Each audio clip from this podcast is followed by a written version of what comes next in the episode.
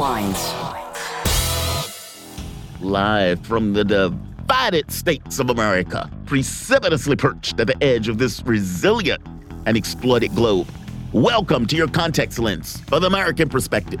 In the left corner, I'm your ever vigilant, your indefatigable political analyst, Jamal Thomas. And comfortably on the right, your favorite conservative cousin, Malik Abdul, and you are listening to Fault Lines. What's going on, man? Happy New Year. Happy New Year indeed. We are back, second day of the new year 2024. 2023 went by in a blur.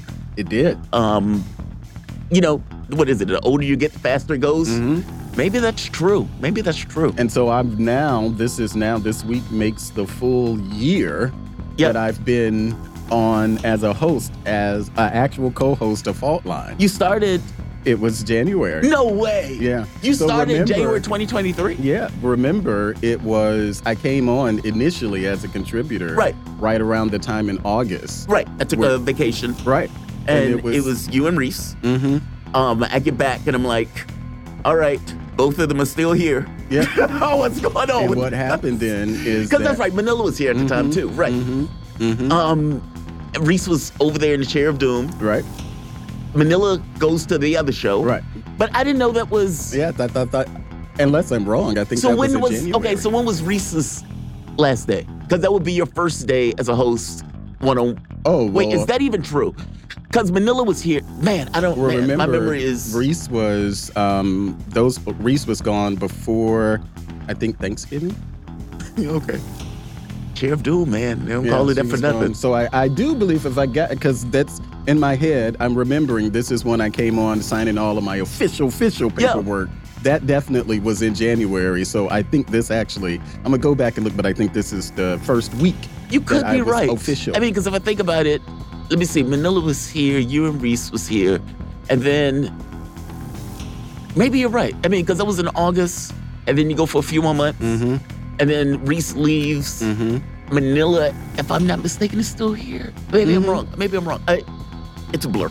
Yeah, a but I do think so. But um Congratulations on your first year. But yeah, this is for me. This is the official. I, I remember signing my paperwork in um, January. So officially, you're talking about a whirlwind. Yeah. Think of all of the stuff that had happened within a year, and then now we're back into 2020. I mean, it is, and the number of things. Some things we expected to happen in 2023. Many things Yeah. we did not. What would be one of the things that you did not expect in 2023? Uh, I did not expect Trump's popularity to increase after four indictments. Agreed. Yeah. It just it, it was unfathomable Yeah. to me that Unfathomable to anybody. Yeah. like if you go back, like in his five years, hey, if a guy gets convicted or gets um, indicted four times as running for president, what do you think is going to happen to him? Most people would say he'd crash. Um, it's it's unreasonable. It's a logical assumption. why do you think he didn't crash though? I, I, I we're all misjudging this again. Yeah. And I think that because it's hard to predict with Donald Trump. It's hard to even back in 2016 with the polling. I forgot what they called it, where um, people weren't honest in their responses to polling, like the It's the- like, the yeah, I'm voting for Joe Biden, and in reality, to vote for Trump because they Right. just don't want to say it. is- This is something that I'm sure social scientists and analysts will study for years. Yeah. Just how Trump, at least as far as polling, But this time around, though, they're not hiding the ball. No, They're just like, I'm voting for Trump. I Yes. guess is it because they think this is unfair? I don't know. Like, mean, that's the only thing I can come I up thought with. about it over the weekend. Um, I honestly don't know Yeah. because you can give various reasons, and a number of them work. Yeah. And maybe it is just because there is no one answer that there's so many very reasons why people are supporting Trump, and we don't do enough to discuss that beyond people support him because they're in a cult. Yeah. Oh, I don't think they're. Well, I'm just saying that. Yeah, I know what you how mean, though. We, Yeah. we lump. That's the way Democrats talk about it. Right. We just lump all of Trump supporters in one like box, Mhm. and they just don't neatly fit within one box. And I think because even we don't understand what that even looks like, it makes it difficult for us to see how somebody with four indictments on in what nine nine almost a hundred yeah, or so. like a hundred years hanging over his head. I took it as people think it's unfair. Yeah. Because look, the call thing doesn't quite work anymore. I mean, because you have because if that's the case, you have more people in that cult than back in Joe Biden. Right. Um, it comes across as they're using the legal system to do what they can't do in the ballot box. And I can totally see people being aghast by that. Like even people like because it's very possible that um, I was about to say Santorum, that DeSantis might have been competitive had not these prosecutions been looming. Mm-hmm. And I would imagine DeSantis like those damn prosecutions. You know what? And I'm going to go to headlines because I know we can talk. Um, but let me ask you this before we go: If Joe Biden was a strong president, do you think that the numbers would be the same as far as? No, Yeah. I think he'd be much more competitive. I, as you were talking, I thought about something that I hadn't considered. The Donald Trump is able to do as well because we have a poor yes, performing. it's such a weak president. If this was Yeah. Barack Obama, Yeah, I don't know if these numbers would look like this. I mean, they. I yeah. I have a hard time believing it. I mean, like, because many of people say he's too old. And a lot of people like laying on that. He's too old. The man looks he like he's gonna old. fall He over. like- yeah. yeah. Yeah. And we're talking about another what, 84? Yeah. When he's supposed to finish, we want him to die in office? Is that what we're saying? And then people look at what is happening in a foreign policy thing. Mm-hmm. They look at the um, inflation, especially an inflation thing. Democrats keep blowing that off like, Crime, oh, immigration. it's not that big a deal. It's only 3%. Well, you kept, I mean, but they've, for one, you're not incorporating food or Mhm. energy. So there's that, meaning the biggest bills that people pay, you're not even including in your inflation And we're talking about milk and eggs. yeah, like you going to, I don't know if people have gone to the store, but those yeah, things are I did. expensive. I did. It hurt. I was like, ooh, Yeah. no two for five. And you're talking about something that had been going on for a year, Right. with the president saying, "Oh, it's nothing to see. It's nothing to see here." Well, those people have been seeing it and feeling it for a while. Uh, Maybe it's like a relationship, where at the point where the woman says they want to leave, well, all of that year, two, three years had already been Mm-hmm. built up. Where they're like, "Look, I'm done. I'm tired of it. There's nothing you can tell me now that Piled keeps me on. here." Mhm. Yeah, I don't know what it is, but yeah, I think if it was a stronger president, yeah, I don't know if the numbers would be this stark. I don't think they would either. So. for sure. But sure, as we report here, and as we said, Happy New Year. We're reporting here from our station in Washington, D.C., where we're expecting a partly cloudy day with a high of 44 and a low of 30. And in Kansas City, a partly cloudy day with a high of 44 and a low of 28. And this is for our producer, Lake. There was a win in college football on yesterday with University of Michigan. I believe they won. Did they win the first college playoff um, title? I think maybe. But it was a great game. They beat Alabama in overtime. Um, it was a great game though. So hats off to Michigan. All of my trust me. I know plenty of people from Michigan, Republican, Democrat, Independent, and they don't care. And it's weather, and they are excited. Although, y'all did lose to the Cowboys. the, the- you know, y'all did lose. Or was that the Bills? No, I think that was the Detroit Lions that um, we actually beat. But moving on, a bit of domestic news. Something that we've been waiting for for a while, and we'll see what comes out in the rents, as they said. Hundreds of court documents surrounding the late sex offender Jeffrey Epstein will be made public um, on Monday. Epstein, uh, for than more than 150 names of those close to the child predator. Close to the child predator, including the British monarchies, monarchies, Prince Andrew and former U.S. President Bill Clinton, will be revealed in the documents. There is going there's going to be a lot of nervous people over Christmas and New Year's. Virginia Giuffre, an accuser of the child predator, wrote on December 20th on X, "Who's on the naughty list?" She asked. Now, What's going to come out of this list, we don't know. And just so you guys will know, because I'm sure it's going to come out at some point again, um, Trump's name is also on the flight list. We talked about it this summer. Um, Trump has actually talked about this, I think probably going back in 2017 or 19. But you're probably going to see stories of Trump's name being on the list. Um, according to Trump, if I remember correctly, Trump flew, well, both Clinton and um, Donald Trump's name are on the private list, you know, flying on Jeffrey Epstein's um, plane, but there is no evidence at this point Trump was actually at the island. But Trump has known um, him for years, had known him for years. And so there is already proof out there that Trump was on the plane. So if you see people saying, Donald Trump, Donald Trump, just know Donald Trump has talked about this years ago. There was, I believe, a Wall Street Journal report on this this summer. The New York Times has covered this. So we already know that Trump was on the plane. Whether or not Trump was on the island, no one has said that. And I'm not sure if that's the case with Bill Clinton. So, yes, a number of people, names will be on the list. And what will it mean? Not too sure.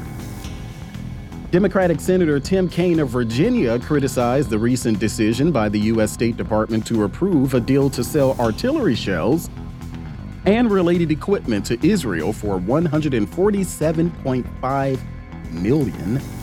Kaine demanded a public explanation of why the Biden administration decided to supply weapons to Israel without congressional review. The Defense Security Cooperation Agency, part of the Pentagon, announced on Friday that the U.S. State Department had approved the sale of M1 M107 artillery shells for 155 millimeter howitzers and related equipment to Israel. The Secretary of State claimed Israel was in an extraordinary situation, insisting that the supply of munitions was needed immediately and was in U.S. national interest. That will be the interesting thing of then being able to explain how this is in the U.S.'s national interest. Is it in the U.S.'s natural interest simply because Israel is an ally and they feel as if anytime our ally um, may be threatened, that that is something that is in the U.S.'s interest. I'm asking this because it seems to be the same argument that we make for that has been made over and over again for Ukraine that we must be there. We have to be there because it is in the U.S.'s interest for us to be there. So if you can make the argument in Israel, if you can make the argument in Ukraine, where can you not make the argument around the globe that these type of interventions or the US sending millions in some case, cases maybe billions elsewhere around the world that all of this is in the US interest. You'll never be able to get out of a situation where this isn't in the US's interest. So is it that just the money any um, country that we send money to it's automatically in the U.S.'s interest because we send money to the country? Hmm. Several people suffered minor injuries and service disrupted when a commuter train derailed and caught fire on New Year's Day in the San Francisco Bay Area. The Bay Area Rapid Transit train had just left its Orinda on its way to Lafayette around 9 a.m. Monday when the front two cars went off the track. Agency spokesperson Jim Allison said all passengers were evacuated and fire crews quickly extinguished flames into cars. In a time of war overseas, more Americans think foreign policy should be a top focus for the U.S. government in 2024, with a new poll showing international concerns and immigration rising in importance with the public. About 4 in 10 U.S. adults named foreign policy topics in an open ended discussion that asked people to share up to five issues for the government to work on in the next year. That's about twice as many who mentioned the topic in the AP NORC poll conducted just last year. Not surprising if we consider what I was just talking about, whether it's Ukraine, whether it's Israel, whether it's the U.S.'s position around the world, um, I do believe that more so in probably quite some time, um, that foreign policy will be an issue in U.S. elections. Typically, it's not. You can probably look back maybe 9 11. Um, you know, maybe, so I guess that was 2004. So when George Bush was reelected, of course, still in the Iraq War.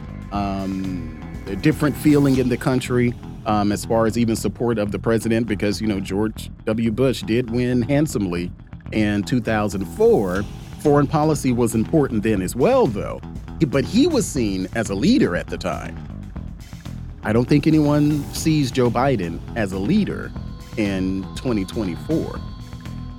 A bit of international news a Japan Airlines plane burst into flames while landing at an airport in Tokyo shortly before 6 p.m. local time on Tuesday. The airline reported that all 367 passengers and 12 crew members had evacuated the plane, which collided with a Japan Coast Air, a Japan Coast Guard aircraft.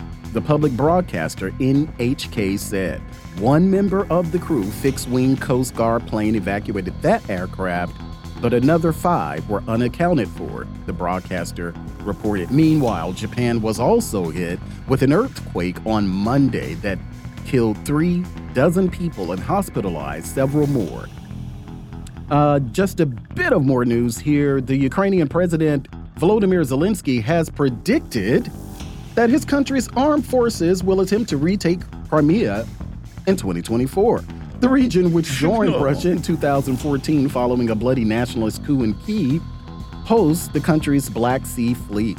Uh, the Kiev will seek to isolate the peninsula by destroying the Kerch Bridge, which connects it to the Russian mainland, Zelensky said. For this purpose, he once again demanded German made long range Taurus cruise missiles, which Berlin has so far refused to supply even after France and the UK provided Kiev with Storm Shadow missiles. And finally, on this day in history, 1788, Georgia votes to ratify the U.S. Constitution, becoming the fourth state in the modern United States.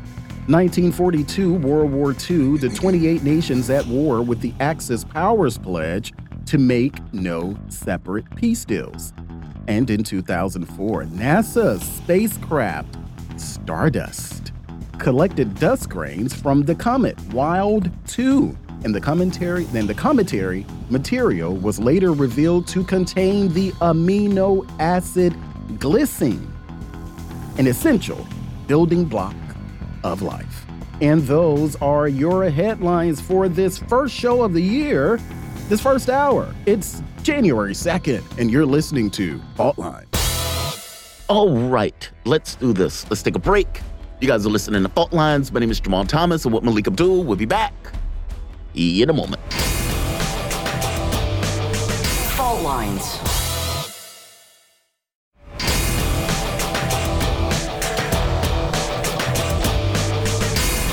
Fault Lines. Welcome back to Fault Lines on Radio Sputnik. My name is Jamal Thomas. I'm joined with Malik Abdul, coming to you live out of our station in Washington, D.C., and destroying democracy to save democracy. This has been rattling around in my brain for a while because the reality of it is, over the break, the Colorado Supreme Court, and for that matter, Maine's Secretary of State, I believe her name is Shannon or Sharon, uh, let me find the name, Shenna Bellows. Um, she is Secretary of State, got rid of Donald Trump from the ballot. Now, both in Colorado and for that matter in Maine, both of these things are basically pending, providing the Supreme Court gets involved and overturns both of these states doing it. But it's not just these two states. You have multiple states, Texas, New York, um, in lieu of this particular meeting right here. Arizona, Nevada, Oregon, New Mexico, New York, and Texas are among the other states that are pending to take Donald Trump off the ballot. Now, as Malik and I were having this conversation early on, with this thing of why on earth is the American public supporting a man with four indictments, with all of these people trying to take him off the ballot? Why is the public supporting him so? Every poll that we have basically seen over the course of the last, I don't know, three or four months has shown Donald Trump in lead, not just in overall polling, but also in battleground states, which is basically where the election will be decided. So, in one sense, you have a lot of Democrats that are pushing to get him off the ballot. In another sense, you have the American public that seems to be supporting him over the current president of the United States in pretty much every poll that has basically come out. Now, I don't think this is as simplistic as I think some Republicans are making it, even though I do think they have a point. In one sense, we had what was called the Green Bay sweep. A lot of people don't remember that right now. Democrats have focused so much on January 6th that they have ignored, I would say to their detriment, what Donald Trump was doing in pursuit of trying to stay in office, meaning the January 6th thing might have kneecapped what Donald Trump was doing, not necessarily helping what Donald Trump was doing. If you think back, in the Green Bay sweep. You had all of these senators and representatives that were willing to come forward and say, we believe that the election is dodgy. You had Donald Trump working with Giuliani, Sidney Powell, Jenna Ellis, et cetera, et cetera, putting out all of these fake electors all across the United States in elections that they are pretty clear that Donald Trump lost, but still had slate of electors claiming that Donald Trump won and even submitted those things to the National Archives, or for that matter, submitted them to Congress, with the deal being, well, all of these Congress members got all of this thing saying, hey, look at this dodgy election. Now you have a credibility where you can come out and say the election, we believe it was dodgy. And we can make get Mike Pence to do something that Mike Pence doesn't have the power to do, which all of this would throw the election in a turmoil, throwing it either to the Supreme Court or, for that matter, the House of Representatives. All of it in chaos hopefully, with the long shot, Hail Mary pass of keeping Donald Trump in office in an election that Donald Trump lost. This includes going to secretaries of state trying to get them to blow off Joe Biden's electors, even blow off the election results. In Raffensperger case, hey, find me 20,000 votes. You had Donald Trump saying on a telephone call, but that wasn't the only phone call that was made to Secretary of State. He was trying to stay in office. That is my point of view of it. That seems to be what he was basically doing. January 6th seemed to be something else.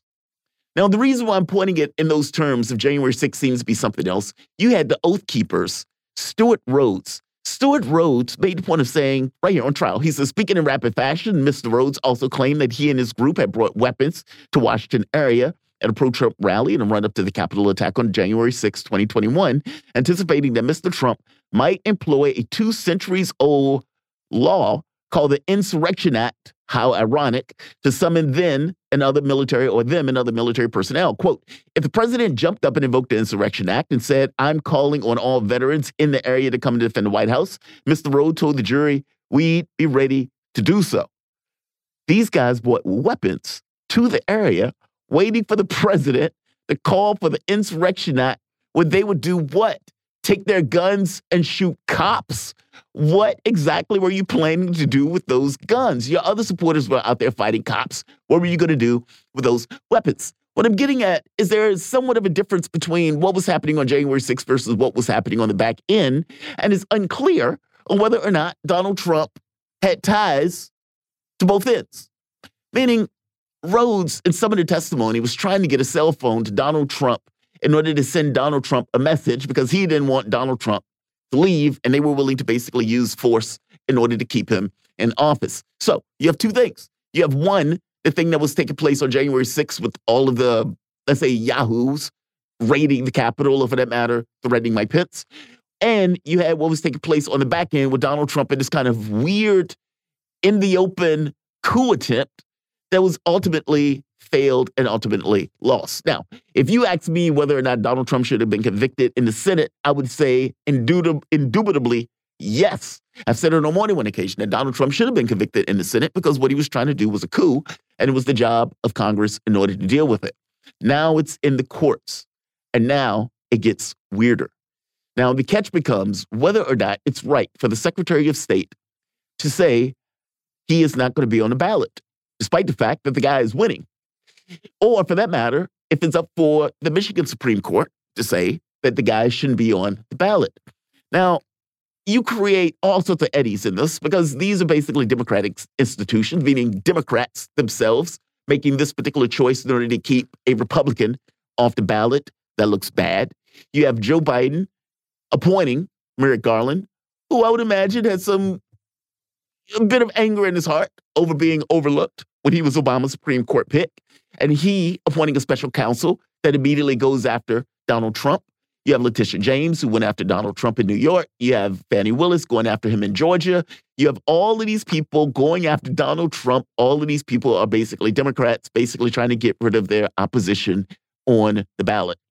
That looks bad. That looks horrendous. And don't misunderstand me. I do believe that Donald Trump was trying to stay in office, but whether it's an insurrection is something else. This is kind of where I make the separation between what was Donald Trump was doing in office and trying to stay versus what was taking place in real terms, meaning all of these people raiding the Capitol. I don't know as a flat fact that Donald Trump was instrumental in sending those people into the Capitol, and nothing that I've seen up to this point points that way. Now, during the trial, you may be able to show well, Donald Trump was pointing to these people in order to get these people to raid the Capitol. Okay, fair enough. I haven't seen it. And because I haven't seen it, you put me in this kind of weird spot of, yeah, I get what you're getting at, the guy didn't want to leave. And because the guy didn't want to leave, we need to find some kind of legality in order to keep her from the ballot because we don't want to take the opportunity of him potentially not leaving again. I get that. But does it really count as an insurrection? It's that part. Meaning, this amendment was supposed to be used for Confederates who had basically tried to overthrow the government of the United States. And the point was to not allow people who tried to overthrow the government of the United States to be put back in office. I get it. I understand the logic of it. The logic of it makes sense to me. The problem is using this term insurrection. You lose me a bit. Again, I get the point. And again, I'm not one of those people that defend Donald Trump just to defend Donald Trump. There's some principle involved here. There's reason that the overwhelming majority of the American public looking at these two people end up on one side, meaning the Trump side, as opposed to the other. And I don't mean overwhelming majority, I just mean the people who are basically polled and the people who may actually go and vote uh, those people seem to be saying, we don't like what's happening. And not just we don't like what's happening, we don't like what's happening to a point where a guy with four indictments, criminal indictments, this doesn't even count the civil indictments that are taking place in New York, that that guy seemed to be winning in the polling, in every polling that's basically taken on this particular election, saying they prefer one guy over the other despite everything that's taken place from a legal standpoint against Donald Trump. The public is saying something. Now, you can say that, like many Democrats these days, well, yeah, we don't believe in polling, and there's still a year to go. And these, you know, we don't trust the polls and everything else. Okay, fair enough. You can say that, but I guarantee you they're responding to what those polls are basically saying. And what those polls are basically saying is we don't like the law used in lieu of an election. And that's what seems to be what's being communicated from the American public. We don't like the law being used as opposed to having an election decide what happens between Trump and Joe Biden. Now, neither one of these people are people I would choose to be um, the president of the U.S. And I would imagine, given the option, the overwhelming majority of the American public would choose or prefer to have other people who are basically on the ballot. But this is what we got. And in the context of what we got, it seems that one political party has taken the steps to try to get rid of their political opposition. Either they seem to be terrified of him, or they just hate the guy's guts and they want him off the ballot. They don't want to give the American public an opportunity to basically choose. I have all sorts of issues with Donald Trump. Donald Trump would never get my vote after choosing to decide to stay with this kind of philosophical responsibility that we endow in our presidents and our leaders, the people who are in authority, to basically, when they lose, they leave. He failed that for me. You can never reclaim that from my standpoint. By the same token, it's a secondary thing for a Secretary of State to say, we're not going to allow the guy to run, or for that matter, the Colorado Supreme Court to say, we're not going to allow the guy to run, when the guy seemed to have overwhelming support, at least compared to the current president of the United States. It seems that they're using the legal system in order to get rid of a political opponent that they don't necessarily want to run against on the ballot box with even the chance of giving him some kind of political legitimacy. We'll see what happens. Like I said, I don't think it's as simplistic as many people try to make it in regards to either Democrats or Republicans. Oh, they're just trying to take the guy off the ballot. That guy who they're trying to take off the ballot did decide to override his responsibility after losing an election. By the same token, he hasn't been convicted of insurrection. And this is what they're basically trying to take him off the ballot using. I don't know. I'm open to what the courts say. We'll see what Jack Smith and how that um, pans out. But in either case, it seems that Donald Trump is still on the ballot if the Supreme Court rules. But there is, I'm greatly bothered by this effort to use the legal system when the political system doesn't work out in your direction. You guys are listening to Fault Lines. My name is Jamal Thomas with Malik Abdul. We'll be back in a moment. Fault Lines.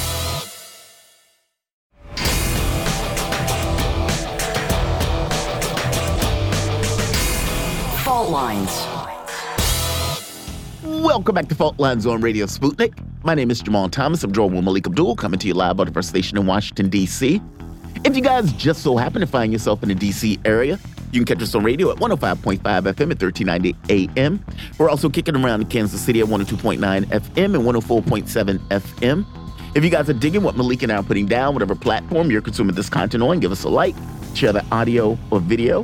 If you want to join in on the conversation, you can do so with the chat, tweet, and of course, you can reach us by phone at 202 521 1320.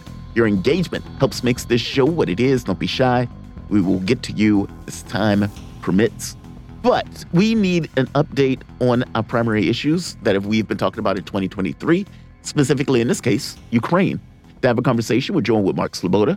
Mark Sleboda is an international relations and security analyst. Mark, happy New Year, man. How you doing this morning? Okay, Mark might be on mute. Jamaro. There he is. There you are, Mark. Malik, thanks for having me. It's always an honor and a pleasure to be on Fault Line. The year just started, man. I understand it. Mark, now, Mark just started the year with Beyonce's Mute Challenge. He just won Beyonce's Mute Challenge. That was me saving your audience from my uh, New Year's cold coughing. Oh, is that what that was? I hope you don't have a cold or anything, Mark. Um, I know the weather's cold there. In fact, I produce Uh, he's cold, ill also. cold doesn't cause colds, but yes. Fair enough. that Fair actually fair is enough. true. People Yeah. people believe that. Well, that's it's what they used to tell us when we were kids. You Um, better it's put on like, something. You go yeah, get, You're gonna get cold. You're definitely cold out there. Um, Mark, happy New Year, man. Let's start off with that. Um, I want to start off on a good note, but I want to get into what has been taking place. Apparently, Russia has launched a massive missile barrage. Um, Ukraine responded to that massive missile barrage by basically attacking civilian, um, it's well, just civilian um, areas in Belgorod. Um, some conversation is going around this idea of taking Kharkov, and if that would give some level of safety to Belgorod. Give me your take on this. Basically, let's just start off in the beginning. What is? Give us an update on what has been taking place in this conflict. Sure. Um, so I think the big story of the the closing days of December and the beginning of the new year in the conflict in the Ukraine have been long range strikes, right? That's that's where all the news is anyway. There are still large scale fighting going on on the battlefield around Avdiivka, Novomihailovka. Um, the Kiev regime is uh, pulling its troops out of Robotna uh, and the, all the gains they made uh, in that area of, of, you know, the pitiful gains that they made in Russia's screening zone uh, in the south. Uh, they're they're withdrawing their forces. Uh, they're they're they're conducting a retreat from there because they're just suffering too many losses. They can't hold hold uh, what they managed to take. There's, there's things happening all over the battlefield, but I think probably the, the you know the biggest headlines, the, the most interest has been on these large scale strikes. So on on the evening of December 28th slash morning of December 29th uh, local time, uh, Russia launched its first really big missile barrage uh, of the season. Right. Uh, and it was long acknowledged by the Western mainstream media that Russia had evidently been refraining from missile strikes for about two months. Yeah, they said they're saving up their missiles, right? Yeah, saving up their missiles. I mean, and for once, there was no claims of Russia's running out of missiles this time.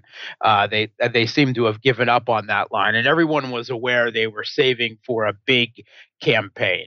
Uh, well, that that was launched on on in, in a big way on the evening of December 28th, 29th, um, and uh, there were dozens of ballistic missiles, cruise missiles, drones uh, launched that night, and basically every night since. Right, uh, it's been continuing uh, in a big way. Just last night, we saw some 90 drones hit primarily Odessa. Uh, that was that was that that that was huge, but it's going on uh, all over uh, all areas of Ukraine, uh, bar you know bar none. Kharkov, Odessa, Kiev, uh, even out in Lvov. I think the best target of the year, a museum of the genocidal Nazi collaborator of the OUN, Roman Shukhevych, was hit in Lvov. It's not clear whether that was hit intentionally or if that was an accident with an air defense missile. But either way, excellent, ex- excellent hit there. God I'm all for hitting museums of genocidal Nazi collaborators, right? Um, i- if that's a civilian target, well, then, then so be it on that particular one. But it for what's interesting to me is that these strikes uh, overall they do not appear to be thus far attacking electrical infrastructure such that we saw uh, last year. Now, of course, the Kiev regime has, you know, banned on, on pain of jail and, and probably being sent to the front and even worse punishments, uh, any uh, of their citizens from taping, uh, uh, taking pictures, uh, posting anything about these strikes. One, so as not to age and aid in damage assessment, also so as not to spread panic uh, among their own citizenry um, about the damage that is being done. But it seems by and large that these are either active military targets, weapons depots, uh, a lot of uh, transfer stations of Western weapons that are still filtering in, uh, but also um, these the facilities that I would say within the last few months that the Kiev regime has managed to erect for their own uh, military production. Uh, so a lot of that was hit uh, over the last few days, as well as the process of mapping out and hitting the Kiev regime's air defense. Uh, you know what it has in place, both both the the remaining Soviet legacy systems it has, um, and uh, Western uh, systems that has been provided with as well, including in in the last week at least the one report that two of the German uh, sent IRIS-T air defense systems were hit, and and possibly more. So interesting how this change in targets from last year. In response to this attack on the 28th, 29th, what uh, the Kiev regime uh, launched uh, on the evening of the 30th before New Year's um, was an attack on Belgorod. And unlike Russia, they did not choose military targets because they have not, you know, been primarily focused uh, on that type of campaign from the beginning. Uh, they uh, they hit the Russian city of Belgorod, uh, basically uh, directly across from Kharkov, um, with multiple launch rocket systems including a Czech made uh, Vampire RM 70 uh, multiple launch rocket system uh, that was particularly called out.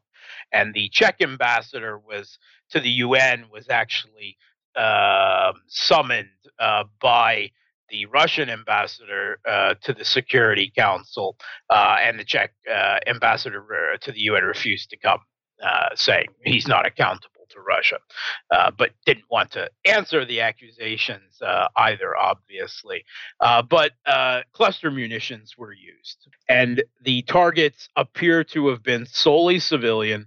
Uh, they hit the center of the city, basically the Christmas village, the Christmas market that was going on uh, in Belgorod, and over a hundred people were killed uh, by most recent count that I have seen, and uh, dozens more injured.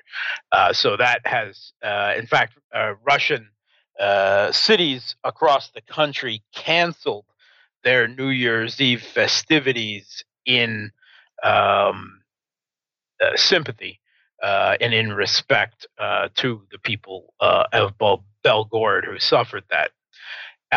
and then on New Year's Eve itself, uh, once again, the Kiev regime shelled Donetsk city, uh, the residential area, the, the, center of the city, again, where there have long been attacks and there have long never been any military targets there. Um, and uh, another four people were killed and another 13 were injured. Uh, with again apparently cluster munitions. Uh, it is not. I have not heard yet whether those are U.S. provided cluster munitions uh, or uh, some of their own stock. But we do know that the U.S. has provided the Kiev regime uh, with cluster munitions by its own admission. Uh, so these attacks are obviously, you know, what are considered, what should properly be considered terror attacks. Uh, and even the New York Times was calling into question that it, these appeared to be uh, and exactly what they were attacks on soft civilian targets uh, as some type of you know, obviously, uh, it's it has no military or strategic utility. It is uh, uh, simply uh, out of spite and a desire to try to instill political terror in the Russian population. And although there were plenty of calls on the uh, you know the Russian social media networks and stuff by hotheads going off and saying you know the usual you know nuke Ukraine and and you know carpet bomb the cities and everything in retaliation. Russian government of Vladimir Putin is a lot more um, uh, circumspect and and um, uh, pragmat level-headed and pragmatic than that and they right away replied we do they're trying to provoke us into attacking civilian targets in reply and our military doesn't do that if they hit their own residential buildings with air defense missiles trying to defend their military targets of the regime uh, from us, well, then that's on them. But we do not deliberately hit civilian targets. We will continue to hit the military targets, the decision making centers. And we saw massive strikes last night uh, on Kharkov, on the uh, city uh, that these attacks were arranged out of, uh, including a hotel in the center of the city that was being used uh, both by uh, Ukrainian military and uh, Western quote unquote mercenaries. There's discussion whether NATO uh, officers were were there, you know, active duty officers or not, but where these attacks on Belgorod were were planned out of basically. Uh, so there there has been a retaliation, uh, but it is a targeted and precise retaliation uh, rather than just an, a, another reciprocal act of spite. Hey, Mark, we're now at the beginning of 2024, around this time last year. Uh, what we heard, at least, of course, this was after Russia had pulled back from Kherson, and a number of um, outlets were um, highlighting that as one of the failures of Russia. Um, where we're heading into the State of the Union, where Biden said, told, you know, the Ukrainian ambassador was there, and he said that we're there for as long as it takes. Um, a year later, we have Zelensky um, with yet another prediction, though. And this time, his prediction is that Ukraine will actually, well, he said that they will attempt to actually retake Crimea. Oh, here we go again. Here we go again. I mean, haven't, we heard enough about this? His own presidential advisors promising last year, well, well, well, first in the first year of the conflict, that they would be having a beach party in Crimea, and then that they would be celebrating Christmas in Crimea this year. And, and they never even got past the screening zone in Zaporozhye. Good luck with that and and here we go again. You know, the, it, Zelensky's obsession with Crimea, and okay, uh, full disclosure once again, my wife is Crimean. I spend a great deal of every year for the last 20 years there. Um, uh, you know, the people in Crimea are, they really don't like, I mean, Zelensky in particular, but, but the Kiev regime and now uh, by extent, Ukraine in general, they're so over you, right? They don't, they don't want anything to you. And Mark, as you go into this, um, just give us a bit of background. Uh, uh, Crimea, of course, going back to 2014 at least. Just give us a bit of background and lead us up until now. Sure. Uh, in 2014, when when the West-backed Maidan Putsch happened in Kiev, right away the people in Crimea, uh, which had had a broad autonomy under Ukraine, Crimea is a majority uh, ethnic Russian uh, population and and even the Ukrainian ethnic and Tatar minorities that are on the peninsula. Uh, all, all the polls I've seen show that a majority of them uh, supported uh, the reunification of Crimea with Russia. Uh, so the, the people of Crimea uh, quickly organized with Russian military bases uh, in the Black Sea uh, for the Black Sea Fleet that were there in Ukraine by treaty, have been there for hundreds of years since since the U.S. was, you know, uh, in, uh, an independent country from from the British Empire at least, you know, a long time, um, and the um, uh, the people there voted in a referendum uh, the, uh, to to get out of Dodge, right? To to leave Ukraine and join Russia, and it was overwhelming. And even Western polling by Gallup and and Pew and everything else have all confirmed the sentiment there. It's not any uh, ever in any question. People of Crimea, I will attest, have always felt themselves to be Russian, and they used advantage of of the opportunity over the overthrow of the government uh, in Kiev and the unconstitutional change of power to say we we were out of this madhouse, um, and um, you know it has been uh, part of Russia since 2014. Uh, since then, uh, you know, even if the West uh, doesn't recognize that, people of Crimea really don't care. Um, and then in 2017, 2018, Russia constructed actually a major bridge uh, connecting this peninsula uh, with Russia across the Kerch Straits. You usually call it the Crimea Bridge. It's actually the Kerch Bridge because of the straits. But you know, this uh, and the Kiev regime has, with very active Western assistance, has tried multiple times tried to destroy this bridge. They've damaged it twice. Um, you know, they'll they will keep trying. In fact, Zelensky just promised in that interview that you mentioned again that destroying the bridge is a priority. Here's the thing even if they destroy the bridge, and I believe, you know, in NATO, if they're putting their thoughts, you know, their their wicked little uh, re- military research minds into coming up with a way of destroying the bridge, and that's their focus, right? Because they can't win the war on the battlefield. Well, then, you know, uh, eventually they man- may manage to accomplish it. it. That doesn't matter, right? I, I I've read articles uh, in Foreign Affairs and elsewhere over the weekend by more bad Western strat, same Western military uh, and political geopolitical thinkers who who promised that uh, the Kiev would reach the Sea of Azov this summer uh, in their their badly failed counteroffensive. That now the key to winning this conflict is isolating Crimea.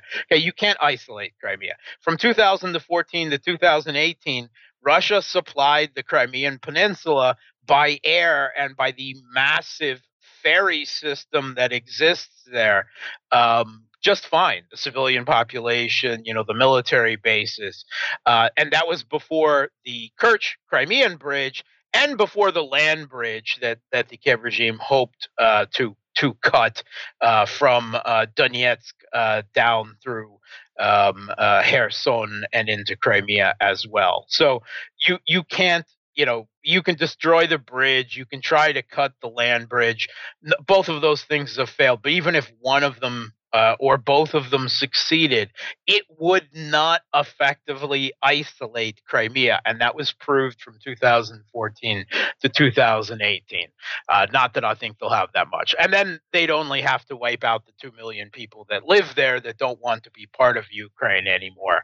Um, and actually, Kiev regime officials and advisors have spoken about uh, massive plans for re education camps and and and then other measures that might have to be put into effect hinted at if that failed okay all right this is their fantasy this is you know i guess what keeps them gets them up in the morning and keeps them going is one day one day we'll retake Crimea. Uh, yeah, okay, the Crimean people are so over you. They don't want to have anything to do with you. And your military has no, even last year, right? Last year at this time, the New York Times uh, wrote an article admitting that the Pentagon doesn't think that the Kiev regime has, even back then, had any potential of taking Crimea, but they need to put it under threat because they believe that if Russia believes it's under threat, that they will go to the negotiating table on uh, conditions more favorable to the West. And this is more of what's really going on here. They keep thinking that if they put Crimea under threat, that Russia will agree to a ceasefire, agree to uh, negotiations uh, on terms more favorable to the West and, and their Kiev regime uh, uh proxy. Uh, and it's not going to happen. I mean, Russian officials, again, multiple times, Medvedev has has said once again, this ends only in regime change, right? This this doesn't end you know, in Donbass. It doesn't end in Kherson and Zaporozhye anymore. It only ends when the regime in Kiev is gone. That's the only way that this ends. So Russia obviously has uh, themselves focused on a long conflict. They're not interested in ceasefires. They're not interested in in in negotiations that do not follow the exact terms of the goals of their uh, you know, special military operation, their intervention that they set out in the beginning. Anything less than that, they're not interested in. They're, they'll sit down and talk, but they're not interested in, in anything but what what amounts to a Kiev regime sur- uh, unconditional surrender, uh, and that is, you know, probably not going to happen for some time yet. Uh, and pronouncements like this, uh, these uh, you know uh, fantasies slash attempts to to try to force Russia to some type of ceasefire that they're not interested in. It's not going to work, uh, which means that uh, in one form or another, at different levels, this conflict will likely continue throughout this year and almost certainly into next year and beyond as well. Yeah, that's what I was going to ask you, Mark. What was your expectations for 2024 in regards to the war? I mean, even if there's a regime change, do you think? I mean, what would that mean? Yeah. Okay. So uh, that regime change is not going to be this year. I mean, unless if it's internal, un- unless if the feud between Zelensky and Zaluzhny, if there's some political crisis in Kiev. Okay, that seems possible to me. Right. That is definitely something to keep an eye on.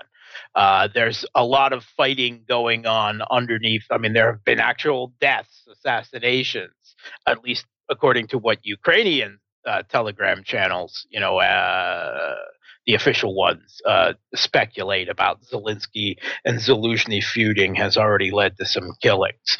Uh, but that's a possibility. But what I would look for this year is the Russian liberation or near liberation of all of Donetsk, meaning Avdiivka within the next two or three months.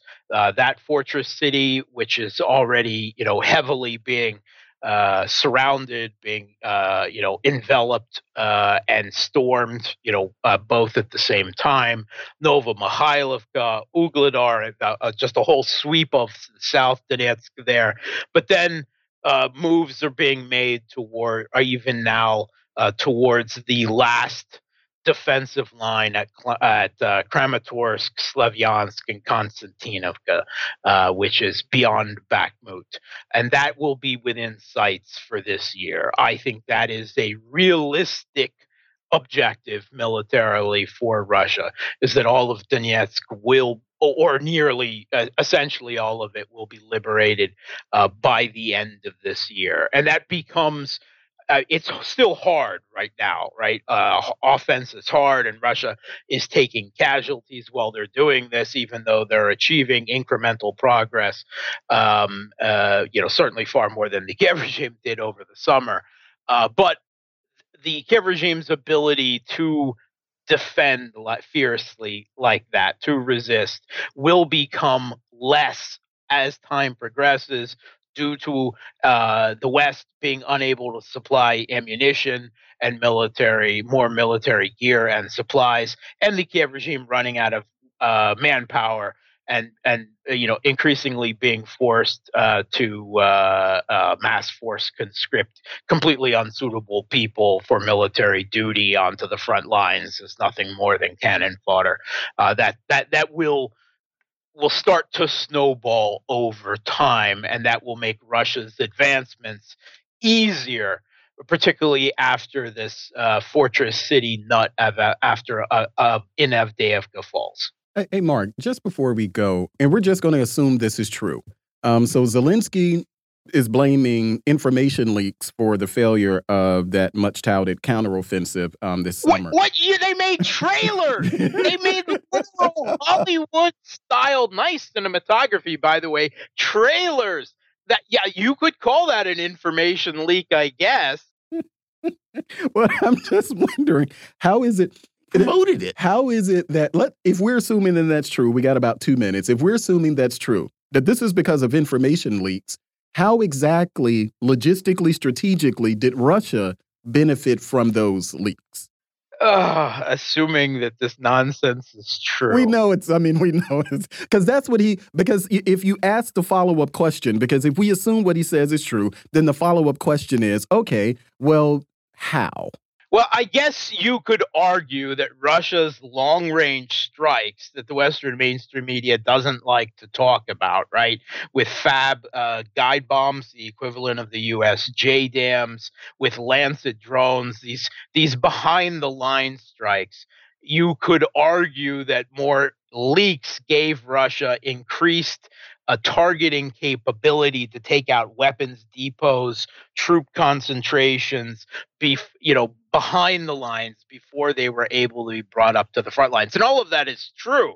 But I don't think that that was due to any massive information leak that was singularly responsible. But I mean, Russia does have good intelligence. There's the Kiev regime is still constantly talking about the number of moles, collaborators, not only within the, you know the, the country, but even within the regime's intelligence services. Uh, you know that that uh, you know give information to Russia. But I, I don't regard any big leak as being singularly responsible to the. But I guess you could make that argument that Russia had increased behind the line long range strike targeting that helped limit the Kiev regime's ability to bring troops, arms, and ammunition and fuel to the front lines to be used during their offensive.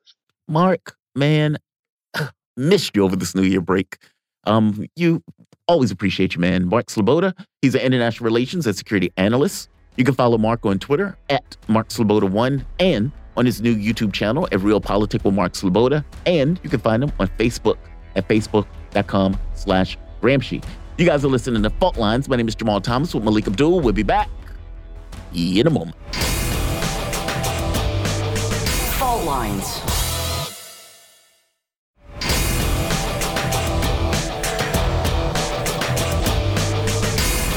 Fault Lines live from the divided states of America, precipitously perched at the edge of this resilient and exploited globe. Welcome to your context lens for the American perspective. In the left corner, I'm your ever vigilant, your indefatigable political analyst, Jamal Thomas. And comfortably on the right, your favorite conservative cousin, Malik Abdul, and you were listening to Fault Lines. Did you see that thing about where is it? Transgender people being allowed into boxing, I believe. Yes. I'm trying to find the exact. Oh, I saw that. I saw it over the. Oh, gee. Yeah, I, am, I, look, I did see the story. I am okay with that. If it's women transitioning into men and then going into the fighting ring. I'm not okay with it if it's men transitioning into women and going into the fighting ring which means that we just shouldn't be okay with it because right. you can't because then I guess that's trans discrimination if you allow uh, is I guess that's a thing now trans discrimination so if you allow one group of trans people to do something that another group isn't allowed to do. I mean but the problem is that I have is it's always in There's one a direction. physical argument Right, but it's always in one direction. Mm-hmm. Like, uh, and the reason I make the point is because I'm Biolo- never... biological men. The way that it typically goes, uh-huh. biological men compete in biolog women's spaces. biological men compete competitively in women's spaces. Yes. And I take great issue with that. And it like doesn't typically go the other, the other way, way which and I you have to explain to many, me why. Right, and I can't think of many examples of biological women dominating in male spaces. Correct. It may ex it, and I say it because it may be one. Right. It may exist. I, I haven't seen it. I mean, no. When I, you know, what changed my mind being here with um, Theron, Manila, and they're like, "Dude, you're taking my spaces. Mm-hmm. Like you're you're invading my spaces." Mm-hmm. And it's not like so. It's like you can have this weird situation where all of women's sports are dominated by biological men, mm-hmm. and you're like, okay, well, why is this here? Right. Like, why is this doing? Why, mm-hmm. like, if you're looking at weightlifting, for mm-hmm. example, mm-hmm. I don't see too many cases of women weightlifters going into men, transitioning into men, mm-hmm. and then weightlifting. Right. Or I don't see situations of biological women. Football, basketball. I don't none see of that. These, none of the competitive contact sports. Right I don't see it going the other direction. Which, if it did, okay, maybe my, my, my take on this would be a bit different. Um, it said the controversial ruling will allow men to compete against women provided they have surgery and hormone treatment. Notice they don't say women to compete against men. Right. Yeah, and that's and You that's dance on to the point I that! get you. Yeah. Like I get, like I, I've had trans activists be like, "Oh, you're transphobic, dude." I am for you. Like you have no idea. I back you across the board on that stuff, but when you get into this thing of a man punching a woman in the face, I take issue. Yeah, and you have to also acknowledge that uh, when you think of like intramural sports, like Right. growing up, boys and girls compete together. Yeah, It's not until you get into the competitive sports that affects things, which is why this was a big issue for colleges, Right. Um, because it affects things like scholarships. It affects a whole lot of things where you have men now dominating those those spaces and pushing so it women out. impacts. Yeah. That's how the whole title, what Title IX argument um, Mhm. continues to come up because that was supposed to benefit women in sports and colleges, all of that type of stuff. You have to take this into consideration, and I think the more um, people look at things like this, you know, I. I most people don't care about trans or what you do in your bedroom, Right. but when you get to the point where you are literally impacting the lives of biological women, Yes, who have a right to participate. These sports were designed.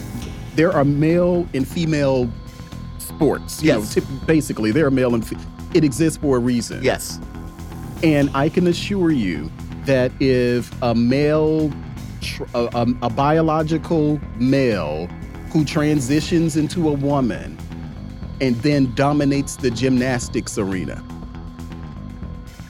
no more Simone Biles. yeah, We got Simon. yeah. Well, I guess that person at that point would be some uh, Well, Simone, well, yeah, whatever. they've changed the name. to either Simone, yeah. way, imagine what that looks like. Michael Phelps, a Michael Phelps like, you know, Swimmer. swimmer. in women's, you know, swimming in women's competition. Um, what is it? Linda Thomas. Linda, yep, Leah, Linda, Leah, one of them. right, and they didn't even thing.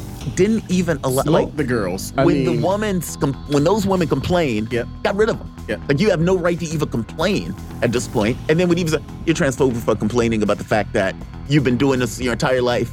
You compared to compete against other women, and a biological male has transitioned and is now taking your spot. And you'll note, and I'll let you go to headlines, you'll note that a number of those who, you need these biological men who were transitioning into women's sports were not at the top of their They weren't game as biological men, right. It was only after the transition. that they dominated. Yes. Shouldn't it tell you that there's an unfair advantage here? Didn't You don't become just. By the way, it had a penis. Yes, Had a penis. that too. Um, I, Yeah. Look, man, I I back you across the board on this stuff. But Um, we got to draw the line somewhere. except when we get to this. Like, yeah, I support blind people. I don't support blind people driving. Um, meaning there are limits to Gotta um, understand the limits. Yeah, there are limits. There are limits. Um, look, let's get in the headlines. In the, I, I just saw that and I was like, whoa, is boxing really going to do this? Um, yeah, I guess they are.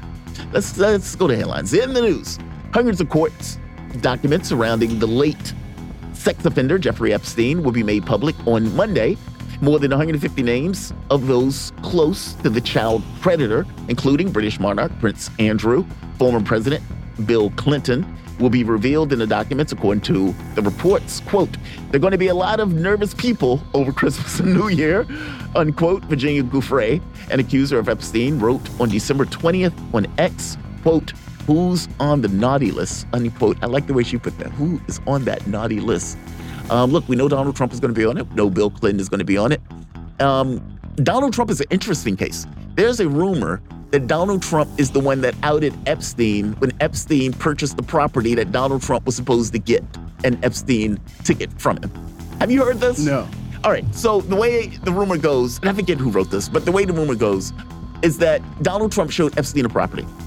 Epstein was like, "Oh, this is a great property," and Epstein basically bought it under Trump. Mm. And Trump, knowing full well that Epstein has this thing with young women, he's even said in the past, "Yeah, he's a great guy. He likes young women," something like that, right? That he basically outed him to the cops that, "Hey, there's a problem here," as a retaliation for him taking the property. Was this before or after he had flown on Epstein's planes? Oh, they were friends. Well, yeah, I'm saying, was it like? Oh, I don't know. I don't Yeah. know, like the, the Oh, the, time when the frame. rumor, yeah, Yeah, yeah, yeah. But, but- you know, Donald Trump actually talked about their relationship and how it ended um, after apparently Epstein was trying to talk to one of the because Epstein, I think, was a member of Mar-a-Lago, Uh-huh.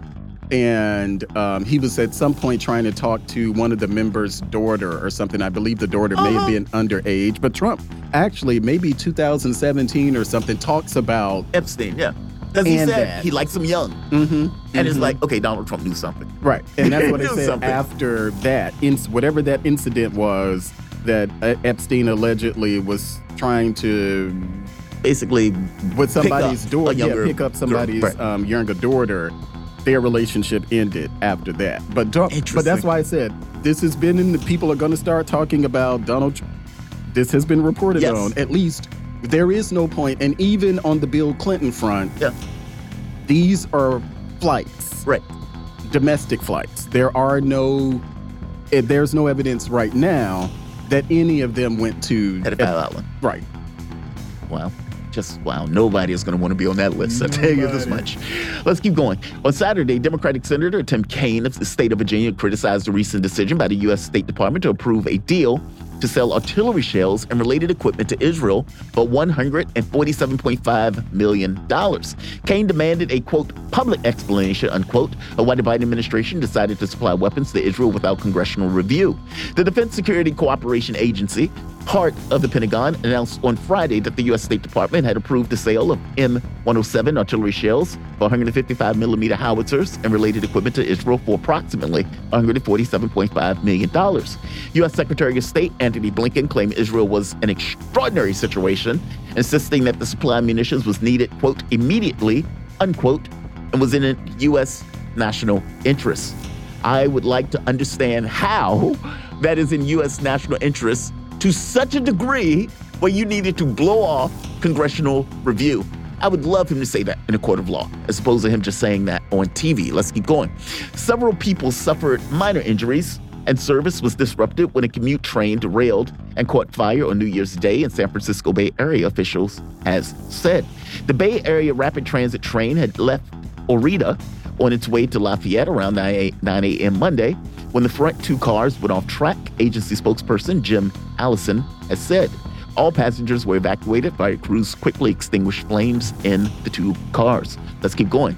A New Jersey mayor says buses of migrants bound for New York City have been stopping at the train station in his town and others in an apparent effort to evade an executive order by New York's mayor trying to regulate how and when migrants can be dropped off in the city. Secaucus mayor, Michael Gonnelli, said Sunday that Secaucus police and town officials have been told by Hudson County officials about arrival of buses at the train station at Secaucus Junction beginning on Saturday. He said four buses were believed to have arrived and dropped off migrants who took trains into New York City.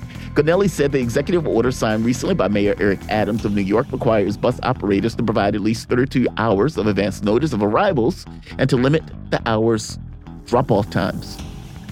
Just wow. Just wow. Let's keep going. In this time of war overseas, more Americans think foreign policy should be top focus for the U.S. government in 2024. A new poll showing international concerns and immigration rising in importance with the public. About 4 in 10 U.S. adults name foreign policy topics in an open ended question and ask people to share up to five issues for the government to work on in the next new year. According to the December poll from the Associated Press NORC Center for Public Affairs Research, that's about twice as many who mentioned the topic in the AP NORC poll last year. Look, under normal circumstances, foreign policy is not, let's say, at the height of American concerns um, when they're thinking about the world. In this particular case, war in Israel, war in Ukraine, um, threatening war against China and Iran constantly. I don't, um, I don't totally understand why people are thinking that way. Let's keep going. A Japan Airlines plane burst into flames while landing on, I think this is Haneda, uh, Haneda Airport in Tokyo short before 6 p.m. local time on Tuesday. The airline reported that 367 passengers and 12 crew members had evacuated the plane, which collided with a Japan Coast Guard aircraft, the public broadcaster NHK said. One member of the crew of the fixed wing Coast Guard plane evacuated the aircraft, but five others were unaccounted for, the broadcaster reported. Meanwhile, Japan was hit with an earthquake on Monday morning that killed three dozen people and hospitalized several other people, the government officials have said. Yeah, I don't know what is going on in Japan in this case. This is horrendous. Uh, my heart goes out to all of those people that are lost their lives. Let's keep going. Israel has rejected a new hostage deal uh, proposal by Palestinian armed group Hamas that would have established a long term ceasefire with the gradual withdrawal of the West Jerusalem's troops from Gaza. Axios reported on Monday, citing sources. The proposal was made to Israel through Qatari and Egyptian mediators on Sunday, according to two Israeli officials, another source familiar with the matter. Let's keep going. Iran's Alborz warship has been reportedly entered has reportedly entered the Red Sea, emerging at a time of heightened tensions in the key shipping route amid ongoing attacks on vessels in response to the Israel-Hamas war. Iran's semi-official Tasnim news agency reported Monday that the vessel had entered the Red Sea through the Bab al-Mandab Strait, though it was unclear precisely when that's growing. Let's keep going. The Supreme Court of Israel has struck down a component of Prime Minister Benjamin Netanyahu's controversial judicial overhaul. Specifically, the court narrowly voted on Monday to nullify a law passed in July preventing judges from striking down government decisions that they deem, quote, unreasonable, unquote. That's astonishing. That is astonishing. The 8 7 decision by the justices were made because of the, quote, severe and unprecedented harm, unquote, it can cause to, quote, the core character of the state of Israel, unquote. Wow, just wow. Let's keep going. The leader of South Korea's main opposition Democratic Party, Lee Jae-myung, was attacked in southeastern city of Busan while speaking to reporters, South Korean news agency Yonhap reported on Tuesday. The report added that the politician was stabbed in the neck after he visited the construction site of a new airport. The attacker was arrested at the scene of the incident. The report added. In this day in history, in 1788, Georgia votes to ratify the U.S. Constitution, becoming the fourth state in the modern United States. Good for Georgia. In 1942, World War II, the 28 nations at war with the Axis powers pledged to make no separate peace deals. Yeah, it, yeah, it, nothing but a full surrender. That was, yeah. Let's keep going. 2004, NASA spacecraft Stardust collected dust grains from the comet Wild 2 and cometary material was later revealed to contain the amino acid glycerin, an essential building block of life. Good to know. Those are your headlines. You guys are listening to Fault Lines with Thomas and Abdul. Look, that Israel court ruling is astonishing. They, I mean, Netanyahu. Even the initial reforms themselves yes. when they were proposed. Because if you remember, there were massive protests yes. in Israel over this. Yes. Because from their point of view, look, Israel is not a democracy, right? I, I, don't care what they say. They always claim themselves as a democracy. But among the individuals who were in that country that are Jews, and I think 12% of the Palestinians that live in the Israeli government, from their point of view, you are fundamentally changing the context of this country. Like the idea that a, that Benjamin Netanyahu, who is under potential criminal indictment mm-hmm. once he leaves office. That's still that's still there. That's still there. And that's, he knows it's there. He knows it's there, and he knows he needs to stay in office because right. as long as he's in office, they can't basically go after him part of the rationale for the changes that he was making was that he could basically say, I am no longer under this kind of indictment or whatever you guys are trying to put me under. Um, it was close, 7 8. Yeah. The fact that it was even close is rather astonishing to me, considering the amount of protests that were basically on the streets. But, I mean, basically, to strike down a government decision that they deem to be unreasonable. I don't like the fact that you judiciary said that this law that I made is unconstitutional. And so we can strike it down. So we can strike it down. Yeah. Just think about like imagine like what is the point of the courts? And you have that coupled with the criticism that he was already getting for how he got into office right. with forming this right wing coalition. Yes. And some of the very provocative things that they had done. Um, well, uh, Ben Gavir, yeah. people like Ben Gavir had actually done. Bringing him back into the government. Yes. I mean, that creature. I mean, just just astonishing. Mm -hmm. Yeah, we don't like this that the court ruled against us, so you know, mm -hmm. whatever. Like, what is the point of the there, court? There is definitely no democracy there. And interestingly enough, yeah, the United States didn't have much to say about it. I bet they didn't. Look, you guys are listening to Fault Lines. My name is Jamal Thomas with Malik Abdul. We'll be back in a moment. Fault lines.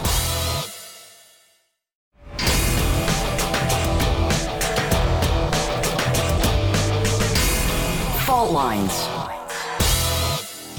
Welcome back to Fault Lines on Radio Sputnik. My name is Jamal Thomas. I'm joined with Malik Abdul, coming to you live out of our station in Washington, D.C. And of course, Maine, the Secretary of State in Maine, and of course, the Colorado Supreme Court got rid of Trump off the ballot. Now, we are waiting for the Supreme Court to take this case up. Inevitably, they will take it up. There are multiple other states, New York, Texas, et cetera, that are also pending this question about whether or not Donald Trump is going to be on the ballot. They use the insurrection clause as a justification in order to take Trump off. There are all sorts of questions of whether that works in practice, but we are waiting the Supreme Court. To have a conversation, we're joined with Angie Wong. Angie Wong is a graduate of Columbia University's Graduate School of Journalism. After a successful career as a news editor, reporter, and columnist in the United States and Asia for publications such as South China Morning Post, Reuters, New York Times, the Wall Street Journal, she pivoted to politics, working on numerous political races at the local and federal level. Angie is currently co host Final Countdown right here with her and Ted Rall from 12, or I'm sorry, from noon, from 10 a.m. to noon every day. Angie, welcome to the show. Happy New Year, by the way. How you doing? Happy New Year, you guys. I'm doing well. I've never slept more in my life. I hate going out on New Year's Eve. That's what Malik said. he said the same thing. Yeah, he said he woke up at five and was like, "Oh, I can go back to bed." it was great. It was, so, and it's so nice to have you guys back on the show. I was like, "Where are these guys?" I usually like listen to your show before my show kicks off. Yeah, but you weren't there last week. Well, we usually take that week, like, it, well, for as long as I've been here, we usually take that Christmas week, and I usually take my birthday for two weeks. So uh, that's, I, that's okay, Angie. I was going through withdrawals as well. Were because, you? Oh my goodness! because when the main decision, I was like, oh, I can't go to work and talk about it tomorrow. so, Angie, give me a take. Oh, uh, well, we have the clip actually. I want to play the clip. This is Secretary of State um, for uh, for Maine. Maine. Mm -hmm. Thank you, and she is basically explaining her argument as to why she took Trump off the ballot. Let's play the clip. I'm mindful that no Secretary of State has ever deprived a candidate of ballot access under Section 3 of the 14th Amendment, but no presidential candidate has ever engaged in an insurrection under Section 3 of the 14th Amendment. My job was to evaluate the facts presented at the hearing, the evidence that was produced, and the record created in that proceeding, and to evaluate that and make a ruling which is what I did. Was made clear that Mr. Trump was aware of the tinder laid by his multi month efforts to delegitimize the 2020 election results. And he then chose to light a match. He chose to light a match. Angie, give me your take on that before we even get into the any kind of argument or debate about this. Give me a take on her take on what she's saying, and for that matter, the Colorado Supreme Court. Yeah, no, uh, all of, you know, there's been obviously lots of efforts to get Trump off any ballot. And this is, we're just talking about the primary ballot at this point, with uh, at least 13 states trying to knock Trump off with using this method. Now, several states and its state's Secretary of State, um, they've already said no, we're not participating in this. It's nonsense. But there's going to be a few operatives uh, that's going to go for it. And this in particular, uh, Secretary of State um, Shenna Bellows. Bellows, yeah, yes, Shenna Bellows. She she's completely misinterpreting the Fourteenth Amendment on so many levels. But they're happy to get the first narrative out. She's happy to get the first punch out. Right, the first one who gets the punch out and owns the narrative owns the public. Now it's going to take the Supreme Court to unravel all these lies. But here's what happened. they went straight to Section 3 of the 14th Amendment, talking about it's a, it's a civil war, um, uh, uh, it's a civil war theory, and they're using it and applying it to uh, a federal election. So many things wrong with this. There are many legal scholars who have talked about this, including Jonathan Turley. Um, a state there's a difference between a state constitution and a federal constitution. One cannot apply to the other. Uh, and the other big problem with this is that, you know, if you just look down one or two sections to Section 5 of the 14th Amendment, it says that only Congress is able to enforce these things. No, not like you know, the Secretary of State in Maine, right? So there's so many things that have to be undone with the mess that they've caused. Now, you know, it, it's becoming more and more clear that the secretaries of states and even the state supreme courts they're they're packed with activists they're packed with a lot of people who have political gain to put out this kind of um, misdoing because it's it's actually the only person who wins from putting this stuff out is the actual person who's perpetrating these ideas. They're putting it out there to raise their hand to maybe get another role or to you know get a pat on the back for you know creating more distraction and more mess for Trump this coming year. And it's just, you know, I think people are, you know, rolling their eyes at this point every time the 14th Amendment is mentioned in getting Trump off the ballot. What is happening is actually having the opposite effect. Although the left can't really see that, that Trump's numbers are getting like just more and more powerful, and that he's fundraising off this idea that people are trying to knock him out. Um, my, you know, I had a lot of time to think about everything over the weekend because we we all got a couple of days off, and I'm wondering if all of this, if Trump on trial it's just massive entertainment for all of us, right? So you and I will talk about it all day long. Uh, we'll put it up on the news. Same with all the other news networks. And it's actually distracting a lot of stuff that's happening in the background. It's currently tying up our, our Congress. You know, our oversight committees, our judicial committees are always investigating stuff that's happening around Trump and him and his family being on trial and doing a gotcha moment on Biden. Um, I think that's all distraction. We actually, there's a lot of stuff that we're not reporting on because of the distraction, including this one, the 14th Amendment. I don't think, eh, look, they may be misguided in the 14th Amendment stuff, but I don't think they're using this as a distraction. I think they're serious. I mean, when Jack Smith makes the, you know, 45th, 45 as the title of his indictment, he is making that specifically about the issue of Donald Trump. And while I may, I, I need to see how that case unfolds for me to have a solid opinion on it, one way or the other. But let's be very clear from my point of view, Donald Trump did try to stay. And Donald Trump did blow off all norms in regards to the way these guys typically act around um, elections. I mean, the guy was screaming fraud. I don't believe that Donald Trump thought it was fraud. I think Donald Trump just wanted to stay in office, the special electors. Those people, some of those people got um, indicted, where you have all of these states where Donald Trump is calling these people to stay in office.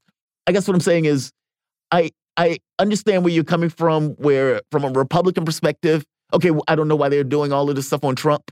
From my point of view, Donald Trump did try to stay. What he was trying to do in that office is deplorable.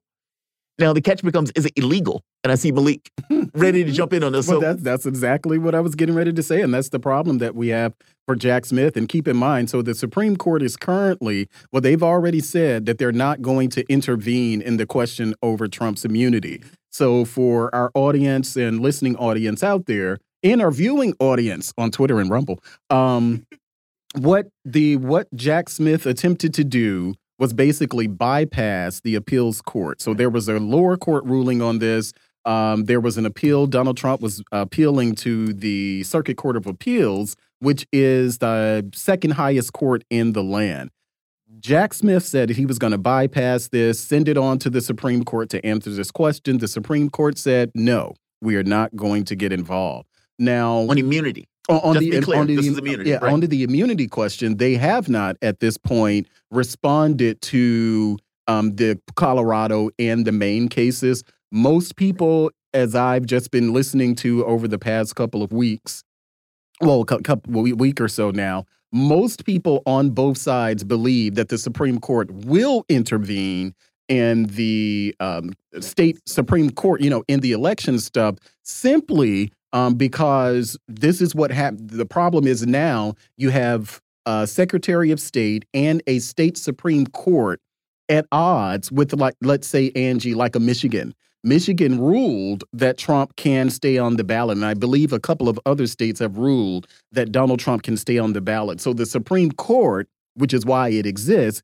is going to have to give the definitive answer answering whether or not Trump, you know, can he, he could be successfully kicked off the ballot. Now, Angie, as we're waiting for that ruling, what will be, I think, more interesting for me, not that the Supreme, I think ultimately the Supreme Court will rule that they can't kick Donald Trump off the ballot. But what I think it will be important for us to watch is whether or not this will be a unanimous decision. To me, it seems as if this should be a unanimous decision, that the Supreme Court should just say that state courts, based on their interpretations of the um, Constitution, state courts simply cannot do this. Um, or a Secretary of State simply cannot do this. Angie, if it's a split decision, a 6 3 decision, um, what do you think that means as far as how people will view the decision itself? John Roberts is going to be the deciding factor, right, on whether or not uh, he positions this case to the other Supremes in a way where it's not. Uh, let's let's put it this way: his job is to make sure that they they hold the highest standards, right? And he's going to have to massage this message the way he wants to. Now, we can't figure out what he does. He tends to lean a little bit more liberal uh, in these things. Uh, you have the famous Sandra Day O'Connor, who just recently passed, who says that her regret uh, during her time as the Supreme was Bush v. Gore. She regrets her decision. She wished that she told Bush v. Gore to get out of her court. She actually said something like, you know, I wish we didn't take on this case. Goodbye. That's what we should have said.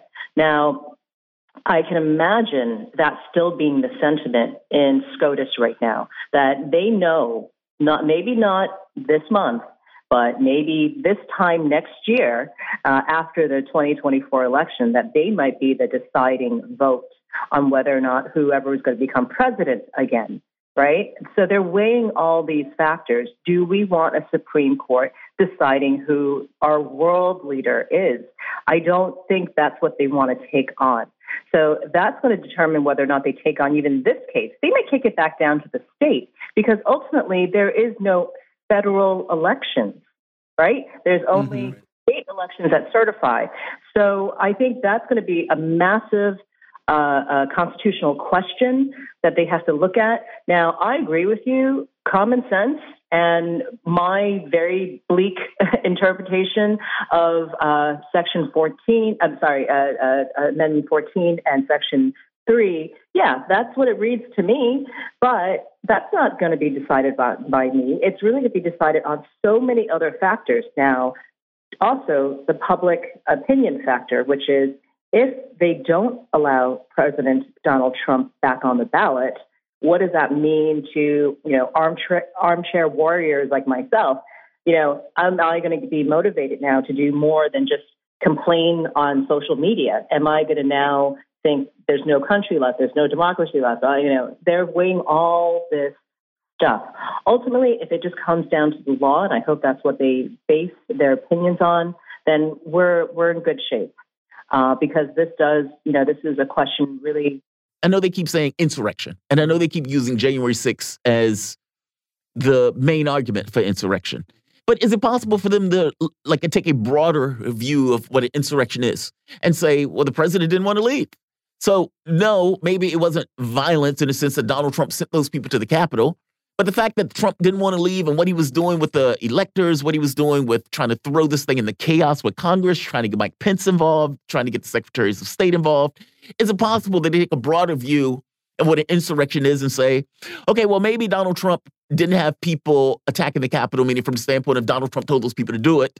But the fact that he didn't want to leave is the issue. But see, I think then the challenge might be is that then you've expanded the term of the, insurrection. You've expanded yeah. the term of insurrection that it no longer just applies to what they were using it for, meaning January like a violent 6th. overthrow, but right. instead a soft coup over but, the because it would have to be yeah. over the course of months, right? Because that's what it was. That's what over it was. the course of months, and I think that the court now ultimately i and this, this is just my you know we are the world view. Yeah. I that's too broad. I, it's too broad. But, eh, eh, but i do think that the court will ultimately rule unanimously on this and that could be just a hope because yeah. i'm just saying to myself well eh, by what read of the constitution are you using to justify this? And just simply based on if you take the uh, the Colorado State State Supreme Court's argument is that based on their read, Right. he engaged in an insurrection. Right. Then the Supreme Court would have to define What that means. what that means, and that's why I'm thinking that it has to be a unanimous decision. But I wanted to mention, ask you though, if it's not a unanimous decision, What does it mean?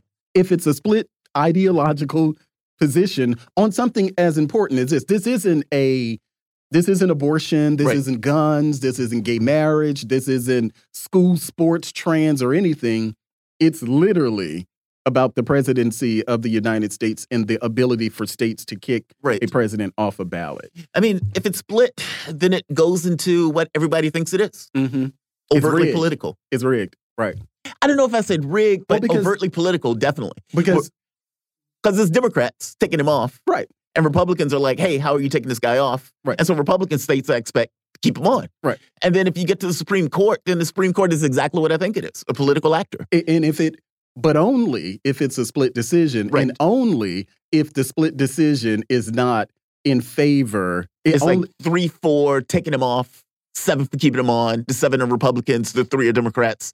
And you're like, and Democrats are going to look at this as the, the the game was rigged. yes, that's the way they're going to look at it. Republicans, are are going to do the same. it. No, Republicans are going to look at it like they did right because Well, the Republicans won't think it's political because it's it's being ruled in. I know, but when they get to the court system and they say, okay, these courts took this guy off, and the Supreme Court just said he should be on. They were Democrats that took him off. Oh yeah, we already look at that as political. Exactly. That's my point. yeah. Like it's going to be overtly political by both sides in the way they Mhm. basically look at it. You get the three justices where we're Democrats that have an overt opinion saying, "Oh, this is horrendous. We should take this guy off. This was clearly insurrection."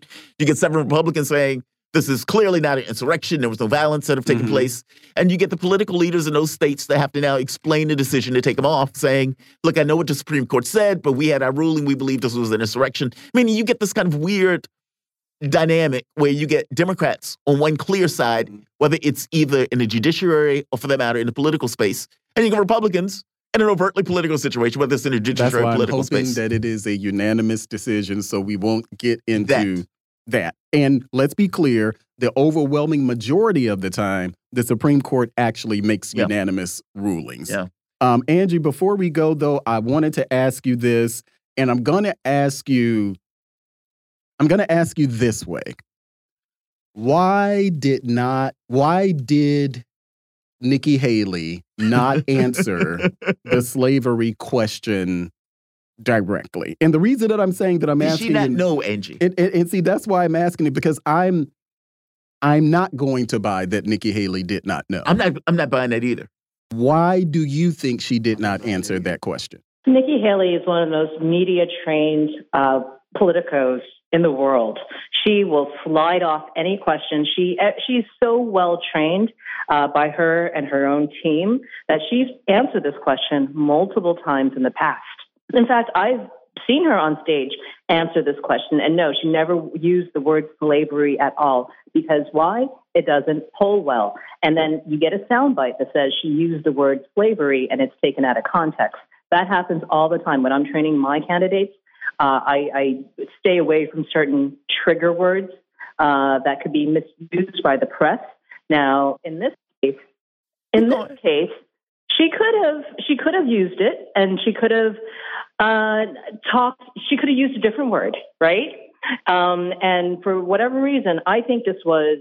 I think she was actually correct in saying that this was a setup uh, because I've seen this happen. When when a candidate gets this close, and she is number two at this point, um, there's going to be efforts like this for a takedown. We've seen it time and time again in every election. There's always going to be a reporter that jumps up, raises their hand, that's completely faceless, by the way. We don't, you know, and then asks that question. Now, uh, I know plenty of people who do dirty tricks like that. I think that's what happened here.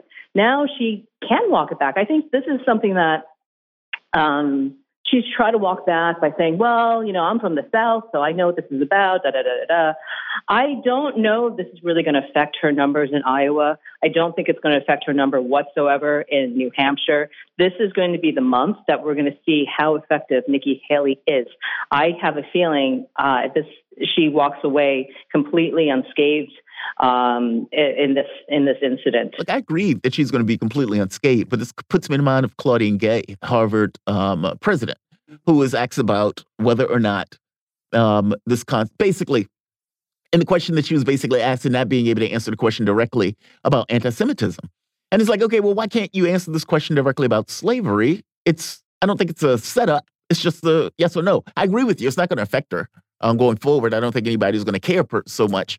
But I mean, Civil she War. knew the answer. She knew the answer. She knew the answer to the question. Yeah. Now, despite the criticism that she's even getting from many people on the right, I am in no way convinced that other Republicans would have answered that question differently. Oh, you think they would have answered in the same way? Absolutely, simply because of what Angie was saying about those um, sound bites that you get out of this. What I think, and I know people will disagree here, I think that Nikki Haley in that moment was in her head as as and as someone, if you've done this type of stuff, media training, she was immediately saying, "Okay, well, why am I being asked this question?" So wait, and Republicans. instead of have, and instead of just saying slavery, which is the, The answer, yeah. yeah, which is the answer. She was in that moment, and you heard her say, "Well, wow." So something like, "Well, wow." That's quite a starting, you know, an opening question because she's giving herself time to figure out how do I answer a simple question because she's thinking about why the question is being asked and how the answer will be perceived, and she totally flubbed the answer. Like the answer was slavery. But I've game. yet to hear Republicans, they may say it now, but I've yet to hear Republicans be as forceful when it comes to answering simple questions Right. about the Civil War. We still have debates over the Confederacy. So the the the, the fact that somehow um, people are on the right are attacking Nikki Haley for giving the answer. You, and the reason that we know that other Republicans would have given a similar answer is that I agree with Angie. This is not going to affect Nikki Haley at all. Now, if it were going to affect her, then you would say because she gave an answer other Republicans would not give. So No. Republicans have a difficulty saying that the Civil War was started by slavery. I think Republicans have an issue when it comes to race, when it comes to slavery, when it comes to gender. Republicans have an issue, uh, have a problem on all. Now, it doesn't mean that every Republican does, but the Republican Party is uncomfortable. Think about where the Republican Party is now. We're anti, we're anti DEI, we're anti affirmative action, we're anti all of this stuff. So it doesn't surprise me that she gave. I don't like the answer. Abraham Lincoln was a Republican. We were long past. any- I, I, I get that, right? past- Yeah, I guess my thought is like we're there's certain things that we can just agree upon, we and I don't see why that's a difficult even thing for Republicans. agree. We can't even agree that white women are the biggest beneficiaries of affirmative action. But they were. What we can agree on is that affirmative action is wrong and should be banned. I don't look, Look. I don't get it. I, this is a Republican thing. It seems that like it's like Just answer it. Just answer it. Right. It's like with flooding. It's a, just answer. It's like yeah, that's anti-Semitic if they do that. I get you being Brown Jackson. Yeah. Just answer what is a biological woman. right. Just answer. You, you're better off. And it is hard to explain because, you know, you say that, you know, for the the Harvard president, okay, so let's take if you listen to how her comments were received, then that must mean that she's an anti-Semite. Right. And it's But does anybody really believe that she's Yeah. no? Same thing with Nikki Haley. This is used as see, that's why I'm telling you about those races in the Republican Party. People will believe that, but I don't think it actually reflects who Nikki is in the same way I don't believe that the Harvard president is an anti-Semite. Yeah.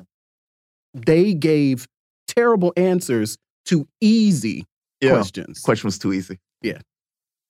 And I think that's what it is. Yeah.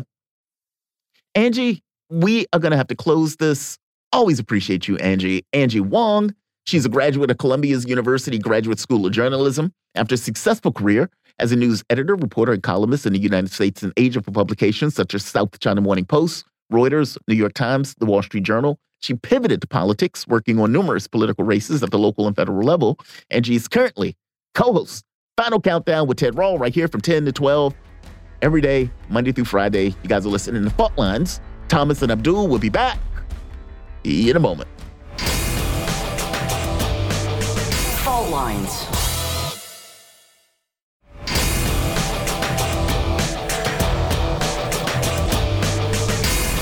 Fault lines. Welcome back to Fault Lines on Radio Sputnik. My name is Jamal Thomas. I'm joined with Malik Abdul, coming to you live out of our station in Washington, D.C.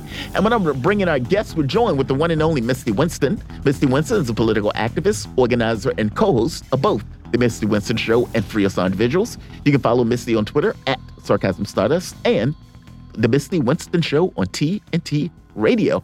Misty, welcome to the show. How are you doing this morning? I am doing very well. Happy New Year. Happy New Year to you. So apparently, Biden is, uh, the New York Times calls it Biden lies low in St. Croix during holiday weekend. The president is enjoying a quote, working vacation, unquote. A White House official said residents hope to bring attention to the Virgin Islands' economic troubles. Um, all right. So we have wars raging in multiple countries. Um, we have inflation still at 3%, and people are still reeling from that. That doesn't even include food and energy. And the president fortunately, can take a break, kick its heels up in St. Croix. Give me your take on this. Isn't that nice? It's lovely, isn't it? That he gets to go hang out on a beach while everybody else is struggling to survive. Everybody's dealing with the fallout from the holidays and the economic uh, crisis that we've all been struggling with. And we get to watch a genocide play out on the main stage of the world stage. It's great. I'm glad he's enjoying his beach vacation. That's fun. Yeah, he can watch it on while he's on the beach. This is right here. It's a working vacation, Jamal. Here on the here on tropical St. Croix in the U.S. Virgin Islands, where Mr. Biden, the First Lady Jill Biden, and their granddaughter Natalie are spending New Year's week in a secluded oceanfront villa overlooking the turquoise Caribbean. The president is staying mostly out of the spotlight. Just great. I would love to be laying on the beach of St. Croix. Uh, my point of view is the president has other responsibilities he needs to be attending to, though. And maybe this is his, you know, gearing up for his election campaign that is going to take place over the course of 2024. I don't know. Yeah, well, I mean, listen, uh, to be fair, I don't think that Joe Biden is making a whole lot of decisions. So if he's on vacation, does it really make a difference? I mean, uh, but I do think it's interesting that so many people um, freaked out about Donald Trump playing golf, right? Everybody was clutching their pearls over Donald Trump playing golf all the time, which, you know, he did play golf a lot. But uh, Biden's been on vacation uh, like 37% of 2023. He spent on vacation. That's insane. And you don't see uh, those same people clutching their pearls over that. So I just think, again, it just highlights the tribalism and the hypocrisy. Um, but I don't think Biden's making any major decisions. So I'm not really all that concerned that he's not uh, in Washington, D.C., or he's, not, I mean, clearly he's not somebody who is in control of anything. So, um, but I do think it's interesting that the hypocrisy has been exposed of, over all of those people who were freaking out every day over how much golf Donald Trump was playing. And that, for me, is my only issue. I personally, I don't have a problem with um, Biden being in St. Croix or wherever he is. And this is also, you know, and I'm sitting here as you were talking, Misty, I'm sitting here thinking about not just Donald Trump. I rem remember as I started following politics, and this was early, you know, in the Bush years. And I remember a lot of people saying at the time, I didn't understand anything about politics, but I remember asking myself, as a Democrat, I said, hmm, why do people keep talking about George W. Bush going to his ranch in Crawford, Texas? And this is literally me as a Democrat saying, presidents can work from anywhere. They can work on planes. They can like the business of the presidency does not stop. And so especially now. Right. And so by the time Barack Obama got in, you know, and I was a big Barack Obama supporter, and then I noticed Democrats defending Barack Obama for being away on vacation when they were just attacking um, George Bush for doing the same things. And so it happened with Trump. And now you're exactly right. We're seeing this with uh, Biden. And for me, it's more of the hypocrisy argument there. But Misty, let's talk about the year for Joe Biden. Um, as we're going into the year, we're not even talking about the problems that the Republicans were having trying to choose uh, a speaker. Biden was on a wave of sorts. Remember after midterms, the the red wave that never was, there were some wins that Joe Biden had. It seemed as if that the wind was in his back and probably um, maybe I think towards the beginning of February, Biden was riding high in the State of the Union. Had the UN and uh, the Ukrainian ambassador there saying that we're going to be with you as long for as long as it takes.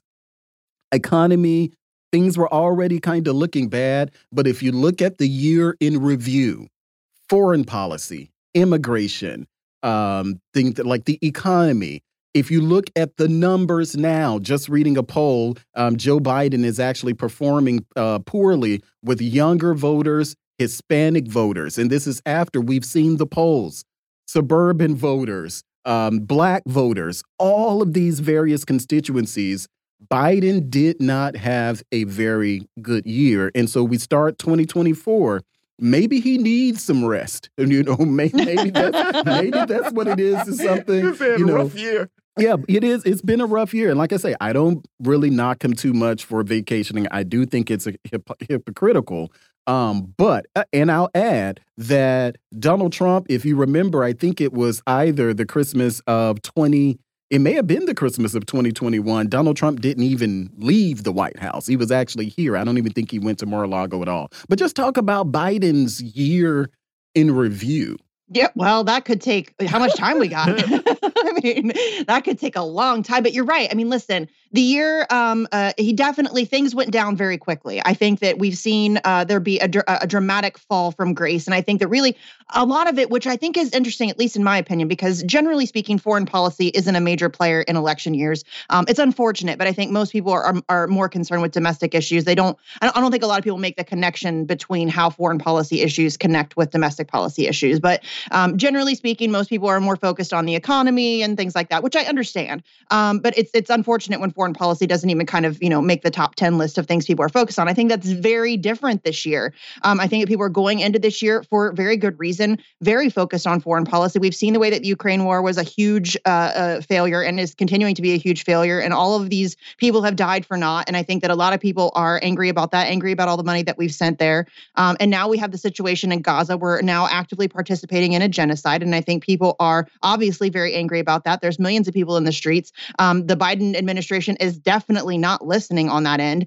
Um, so, yeah, I think that significantly over the course of the year, the Biden administration has slipped down. I think the approval ratings have shown that. Um, and so I think going into 2024, and here's the thing I understand what you mean. Maybe my guy needs a break. You know what I mean? He needs a little, he needs a little break. Uh, he's got to get his, he's got to get things uh, settled and get, get, get his mind right or whatever, which I'm not even sure is possible. But I think that optically, going on vacation right now is such a bad idea. It is a horrific. It looks so. I mean, I I saw the pictures of him and Jill on the beach smiling, and I'm like, you know, you juxtapose this with the the pictures and the videos coming out of Gaza, and this looks real bad. Oh, bad. Misty, you are creating an ad right here. As I'm sitting here thinking about Right. the imagery of this, remember remember how these images matter. So think. Yeah.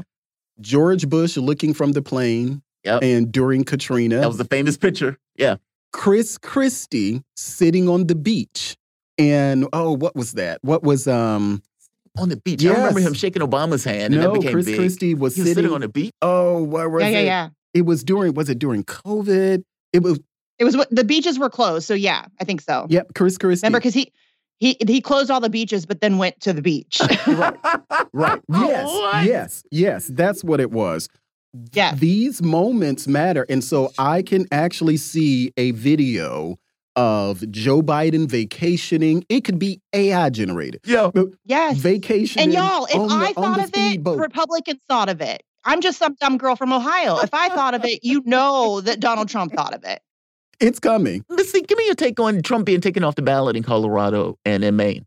I'm just curious. So ridiculous. My guy has not listen. And I, by my guy, I call everybody my guy. I don't mean I'm not a Trump supporter, but uh, he's not been charged or convicted with um, uh, the things that they're claiming that he uh, has done in order to be taken off the ballot. And the interesting thing- about this, the thing that I think is, um, it's funny, but it's not, is that they're claiming they're taking, they're destroying democracy to save democracy, and it's insane, right? I mean, I, listen, if he had been convicted of the things that they are accusing him of, uh, absolutely take him off the ballot. I can see that 100%. But he's not even been charged with the insurrection stuff. So it is mind blowing to me. And frankly, you guys, they're just helping him. That's all they're doing. They're helping him. I don't know. It's it, it's funny. It's complicated to me. I mean, in some respects, yeah, I agree with you. Right? It's like you haven't charged him, or he hasn't been convicted of insurrection. So there's that.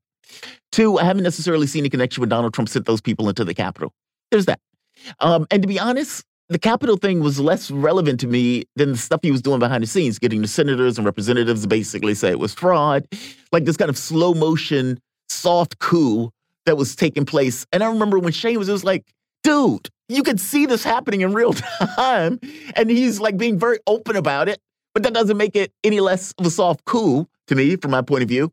And so it's like, I'm in this kind of weird spot where, in one sense, yeah, I do believe Donald Trump didn't want to leave, which is deplorable. I don't know, uh, you know, another word for it. On the other point, they have been focusing on insurrection, which means they have been focusing on the people raiding the Capitol, as if the people raiding the Capitol was the the main thrust of what Donald Trump was doing. I, I don't know. I, I'm conflicted on this. I need to see how Jack Smith case evolves and everything else. Well, that's the thing, though. The idea that that the case needs to evolve before you can figure it out means that they're not doing the right thing here. Well, he hasn't been in court yet and they have jumped the gun and taken him off off the ballot. And they're helping him, Jamaro. I know that you don't like Donald Trump, and that you know that I'm right. They're helping him. His supporters are now digging their heels in even more. They're donating even more. They're creating this kind of uh, mythology mythology around him, like he's this some crazy outsider. That he's not with. an outsider, That I but they agree are with. creating this uh, this idea of him. Uh, and they're they're basically just proving him right, and they're uh, you know what I mean. And so it's it's it's just crazy to me. I think that it's it's like, do you want him to win? Like, is that the goal here? Because that's what you're doing. You're helping him win. But The this is kind of martyr. what Newsom it's said, the right? position. Yeah. They, it, you, it, the best position to run from is as a martyr. Yeah, and he him The crying, "Oh, they're attacking me with the law. oh, they're he's just going to to keep me off run, the even though he's leading in the polls at this point. Um, he's going to be able to run as an underdog, Yeah. and everybody wants to run as the underdog. yeah. Um, the electoral calendar doesn't look great for anyone but Donald Trump. Um, I do believe, and like I said, this is not going to impact Nikki Haley. In the, I don't think it will even impact her in the general I don't think election um, either. But what I also recognize, though, is that she may do okay in New Hampshire.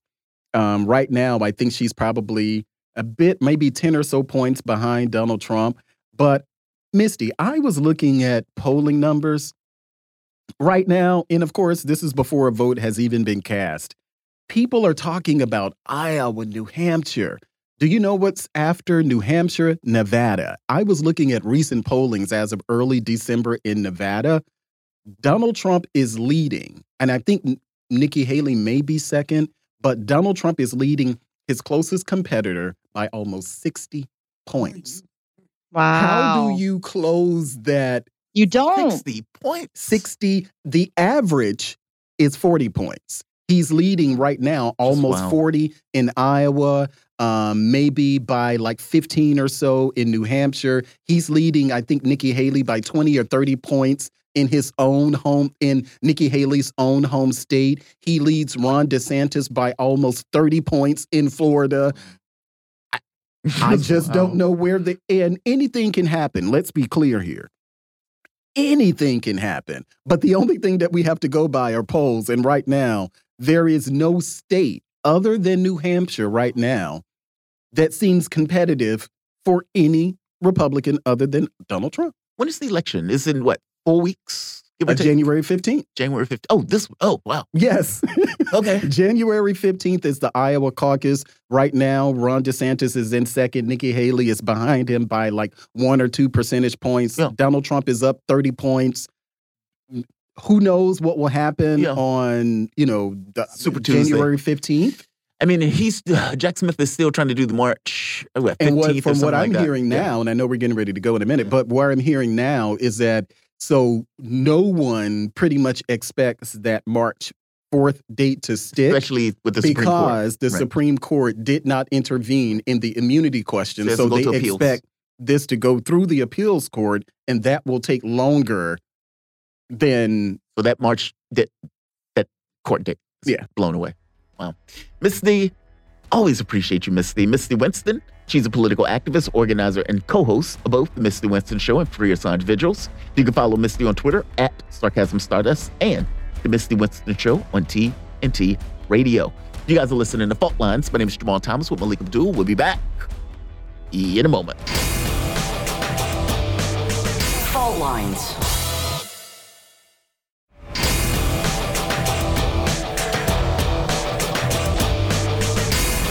Fault lines. Live from the divided states of America, precipitously perched at the edge of this resilient and exploited globe. Welcome to your context lens for the American perspective. In the left corner, I'm your ever vigilant, your indefatigable political analyst, Jamal Thomas. And comfortably on the right, your favorite conservative cousin, Malik Abdul, and you are listening to Fault Lines. Yeah, I'm conflicted over the Trump stuff. The the I'm not overly conflicted over the Colorado or the Secretary of State of Maine. It's like, okay, calm down. Um, but I like when I hear Angie's take, it's like, oh, this is just theater. I don't think these guys are looking at this as theater. I think like I think Oh Jackson, no, I think they're. I agree. I think they're serious. they're serious. I mean, if they can get him in a cage, By they want him in a cage. I think they are in the by any means necessary territory. yes. We if we can't beat the courts, Yes. we're gonna try it, try it else. And so I think that this is deliberate. Yes, this is Um, not political theater in the sense of, oh, they're just doing this for chum in the water. No, they are trying to get rid of him. Mm-hmm. They consider him as a threat to democracy in the way that they consider it. Mm-hmm. And from their point of view, this guy, he didn't want to leave. I agree with him on that point. Um, so we need to find whatever means in our power to keep him off the ballot. I don't agree on that point. Yeah, and, and I think that it is a. I think for them, and as I said, I think they'll just. I, I think that they would do whatever they can. Yeah. But it is if you look at how all of these like different efforts have played out, I think people are kind of buying into, and that's why I asked the question: If Joe Biden were more popular, would we probably even be here? Yeah. Probably not. I'm not even convinced that if Donald Trump was doing poorly in the polls with the same effort to, re- like, if it were just upside down, Yeah. every poll had Donald Trump losing. I'm not even sure if the energy to remove him from the ballot would be there. I think all of this is Oh, designed. All of this is designed. We have to stop him. Yeah, we got to stop him. If Trump didn't run, do you think they would have brought the cases? No. I mean, because they brought those cases like three years Nope. After the fact. Nope, I Where it would so. intercede directly with the But election. that feeds into your deliberateness Yeah. of it. This is not just Yeah. a one. No. They are trying to get Yes. him. They don't care about the consequences. Mm-mm. They are trying to get like when you get a Secretary of State who sa- basically to her. says, "Yeah, Mhm. I am taking him off the ballot because it was insurrection," and it's like you did that on your own. And a not a judge, not Right. a member of Right, a court right, saying Secretary of that State. I've reviewed this and based on my judicial ruling or my legal expertise. No, you said that as the Secretary of State. Right, as a Democrat, I'm getting rid of this Republican. That's what That's I look at it yeah. and see, and that's what a lot of people look at Yeah. that and see. A Democrat got rid of a Republican from the ballot because she didn't want to run against this particular Right. Republican. And she determined, and the, the, and let's take Donald Trump out of this. Yeah. A Secretary of State determining what a crime is. Yes. We should, Yeah. we should be concerned about that because that is that's not the role. And by the way, using another state's Yes, as a justification ruling. for it. Yeah. Yes. I'm going to use this other state as a justification for me Mhm. saying I'm going to take him off the ballot.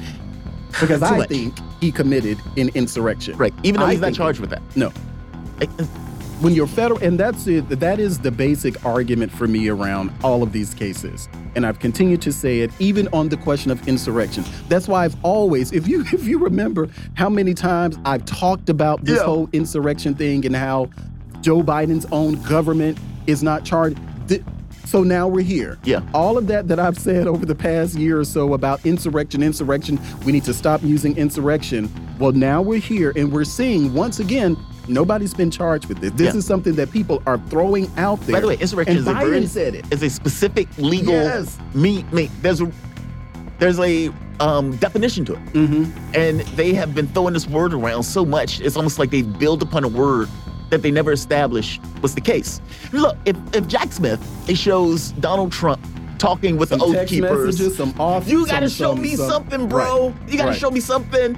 And like I said, if you expand the definition of insurrection to, okay, well, it's not, it doesn't need to be violent. It can just Mhm. be the president not wanting to leave and doing things in order to say, okay, fair enough, but you gotta show me that. And Right. you gotta make that case. And up to that And point, don't just tell me. yeah, this hasn't, hasn't and, been and I shown. compare it to someone saying, me telling you, Jamal, you're guilty of murder. And you ask me, of what murder? Where's the murder suspect? I don't have one. but you're guilty of murder. Wait a minute. So I'm guilty of a crime. You have no witness. You have no victim. Right. You ha- but you know that I'm guilty of murder. Yes. Do you think that part of the problem is they overemphasize January 6th? Meaning they have focused so much on the people raiding the Capitol that they ignore the stuff that was going on behind the scenes that actually would have been far more problematic. If January 6th didn't happen, there would have been more senators backing Trump, more representatives backing Trump, Mhm. trying to throw this stuff into chaos. They, I mean, January 6th, whether they realize it or not, kneecap They what absolutely. stuff that they were trying to do behind the scenes. Because what they were trying to do was this kind of legalistic way of keeping Trump in power. January 6th was this major thump, like, Mm-hmm. whoa, these people just raided the Capitol, which undercut many of the senators who were going to back Donald Yes. Trump when they were coming back. They were contesting, I believe, Arizona. And after they came Mm-hmm. People started resigning from Trump's cabinet over this. they stopped. Right. They stopped. And, you know, before he even left office, you had people like Elaine Chao and a number of others who just resigned Yes. from his cabinet over this. So it wasn't a small. Meaning, if January 6th didn't happen, then Donald Trump's legalese strategy would have just carried on in the way the legalese strategy would have been carried on. and died on the vine because it wouldn't have gone anywhere. Maybe. It would. I mean, because there was no overturning it. I mean, you would have needed Mike Pence Right. to do And something Mike. Pence didn't have the power to do. But Right. that's the rub, though. I know, like, I know it's like, okay, this would have died on the vine. The catch is, though, that these people could have done something that they didn't have the power to do Right. to throw this in the chaos. Like, I, I don't know. I Yeah. think they would have to expand the definition of an insurrection. It would have to be that. and they aren't able to do that at this point. Um, as we report here from our studios in Washington, D.C., where we're expecting a bit of a partly cloudy day, may get some actual sunshine here. I'm now reporting um, with a high of 44 and a low of 30. And in Kansas City, partly cloudy day with a high of 44 and a low of 28. Bit of domestic news here. Hundreds of court documents surrounding the late sex offender Jeffrey Epstein will be made public on Monday. More than 150 names of those close to the child predator, including British monarchy's Prince Andrew and former U.S. President Bill Clinton, will be revealed in the documents, according to reports. There there's going to be a lot of nervous people over Christmas and New Year's. Virginia Gear- Giuffre, an accuser of Epstein, wrote December 20th on X, adding, Who's on the naughty list? As we've been reporting on here, and just to kind of clarify some things, um, Bill Clinton's name is expected to be on the list. As of this point, there is no evidence that Bill Clinton actually um, made use of Jeffrey Epstein's private jet to go to, or that he was at any point at, you know, what is it, Pato Island or whatever they call it, um, Epstein, um, Epstein's Island. There is no evidence of that as far as Bill Clinton is concerned, and Donald Trump. There is an an existing relationship uh, between Epstein and Donald. There was an existing relationship between Donald Ep- um, Donald Trump and Epstein that ended maybe 2007ish or something. Um, with Donald Trump saying at some point Epstein was apparently trying to pick up one of the members. He was a Epstein was a member of Mar-a-Lago, and Donald Trump um, ended his relationship with him after uh, Epstein allegedly tried to hit on one of the members' younger daughters, and I'm assuming that daughter probably was underage. Um, but if you actually look at the discussions between or the um, background, um, neither Epstein nor Donald Trump actually get much into details about how their relationship ended. But Epstein does did acknowledge that um, the relationship ended, even in 2016, um, tried this effort to kind of rope Donald Trump in, pull back Donald Trump back in his fold, reaching out to people within Donald Trump's circle, but he was not successful in that at all. But 150 names. The question is, what does it all mean? We should not be surprised, however, to find out that wealthy, powerful people know wealthy, powerful, scummy people. And I say that because we know Harvey Weinstein and those who were friends and probably still friends with Harvey Weinstein. Moving on, on Saturday, Democratic Senator Tim Kaine of Virginia criticized the recent decision by the U.S. State Department to approve a deal to sell artillery shells and related equipment to Israel for $147.5 million. McCain demanded a public explanation of why the Biden administration decided to supply weapons to Israel without congressional review. The Defense Security Cooperation Agency, part of the Pentagon, announced on Friday that the U.S. State Department had approved the sale of M107 artillery shells for 155 millimeter howitzers and related equipment to Israel for that 147. U.S. Secretary of State Antony Blinken claimed Israel was in an extraordinary situation, insisting that the supply of munitions was needed immediately and was in U.S. natural, national interest. Several people suffered minor inju- in- injuries, and service was disrupted when a commuter train derailed and caught fire on New Year's Day in the San Fran Bay Area. The Bay Area Rapid Transit train had just left Orinda on its way to Lafayette around 9 a.m. Monday when the two front cars went off track. All passengers were evacuated and fire crews quickly extinguished the flames in two cars. Another one of my worst fears a, train, a train derailment. Yeah, I take the train basically every day, and that is one of the things I'm always thinking about what happens if this train derails. But again, fortunately, all passengers were evacuated, but I can imagine that initial horror. A New Jersey mayor says buses of migrants bound for New York City have been stopping at the train station in his town, and others in an apparent effort to evade an executive order by New York's mayor trying to regulate how and when migrants can be dropped off in the city. Secaucus, New Jersey's mayor Michael Gonnelli said Sunday that Secaucus police and town officials have been told by Hudson County officials about the arrival of buses at the train station in Secaucus Junction beginning Saturday. Added that four buses were believed to have arrived in and dropped off migrants who took who then took trains into New York City. Gonnelli signed the executive orders uh, said the executive order signed recently by the mayor of New York requires bus operators to provide at least 32 hours of advance notice of arrivals and to limit the drop off times, the hours of the drop off times. On this, I'm not going to hit um, Adams on this because, I mean, you have to do something. Um, if you continue to have busloads of people coming into your city that your city then has to provide for, I understand. New York is one of those places, a sanctuary haven for many things. And so they kind of opened this Pandora's box but at the end of the day, the people arriving in these cities, these immigrants, have to be afforded for somehow. And this seems like at least what Adams is doing. I don't necessarily blame him for this. He has to do something. And with this restrictions on bus arrivals, seems like maybe it. But just a bit of foreign, for uh, international news. A Japan Airlines airline's plane burst into flames while landing at Haneda Airport in Tokyo shortly before 6 p.m. local time on Tuesday. That airline reported that all 367 passengers and 12 crew members had evacuated the plane, which collided with the Japan Coast Guard aircraft public broadcaster NHK said. One member of the crew of the fixed wing Coast Guard plane evacuated the aircraft, but another five were unaccounted for as of our reporting this morning.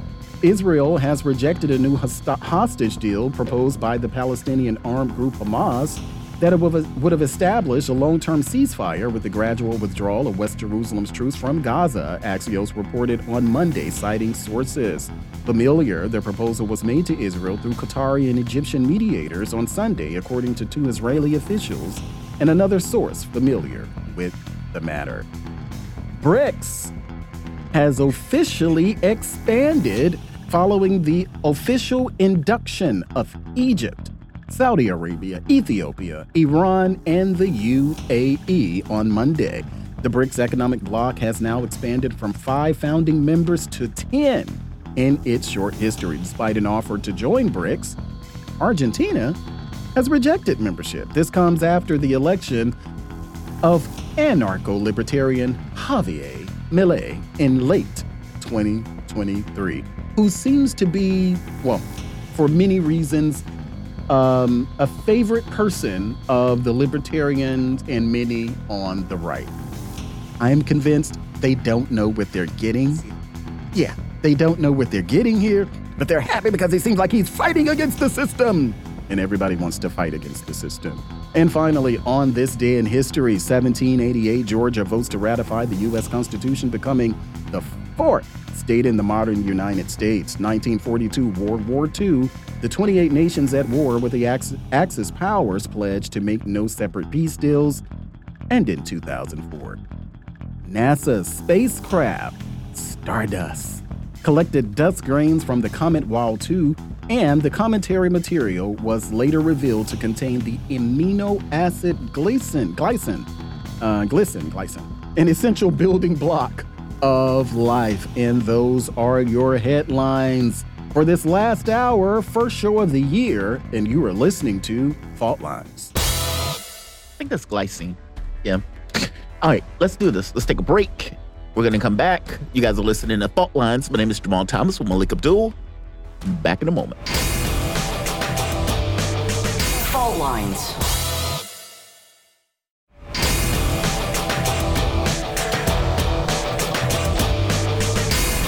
Fault lines.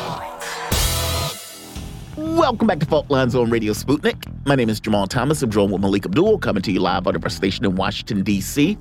If you guys just so happen to find yourself in the DC area, you can catch us on radio at 105.5 FM at 1390 AM. We're also kicking around in Kansas City at 102.9 FM and 104.7 FM. If you guys are digging what Malik and I are putting down, whatever platform you're consuming this content on, give us a like, share that audio or video. If you want to join in on the conversation, you can do so with the chat, tweet, and of course, you can reach us by phone at 202 521 1320. Your engagement helps makes this show what it is. Don't be shy. We will get to you as time permits. But I want to bring in our guests. We're joined with the one and only Elijah Magnier. He's a veteran war correspondent with 35 years of experience in Iran, Lebanon, Syria, Iraq, Libya, Sudan, Afghanistan, and Yugoslavia. Elijah, happy New Year, man. Welcome to the show. How you doing this morning? Happy New Year to you and to all your audience. I'm fine. Thank you. Great to be with you. Oh man, it's great to have you. Um, well, we were trying to get an update on the war. And so the latest numbers have at least 22,185 Palestinians killed, 57,035 injured, or for that matter, wounded in this conflict. We have 1,139 Israelis killed, with at least 8,730 injured. Um, and apparently, there was a deal that Hamas had offered for some kind of hostage negotiation and some kind of um, long term peace deal. Israel summarily rejected that. By the same token, we also have what seems to be political reporting that Israel begins a partial drawdown of troops from Gaza. Elijah, give us an update on what is going on on the ground up to this point and what we need to be aware of involving this war. Give me your take.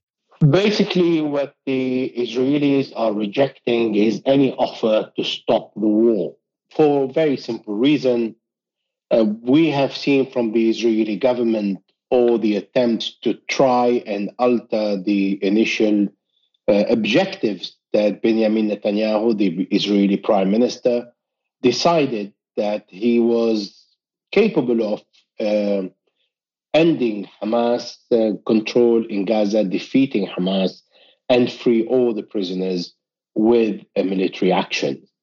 It turned out that only Israeli prisoners were free according to a deal and a negotiation between both sides. And uh, this exchange of hostages took place because they were civilians. However, with regard to the soldiers, Israel managed only to return corpses that were killed by the Israeli bombardment, making it impossible for Israel, realizing that they cannot free all the prisoners by military means because they are under the control of Hamas.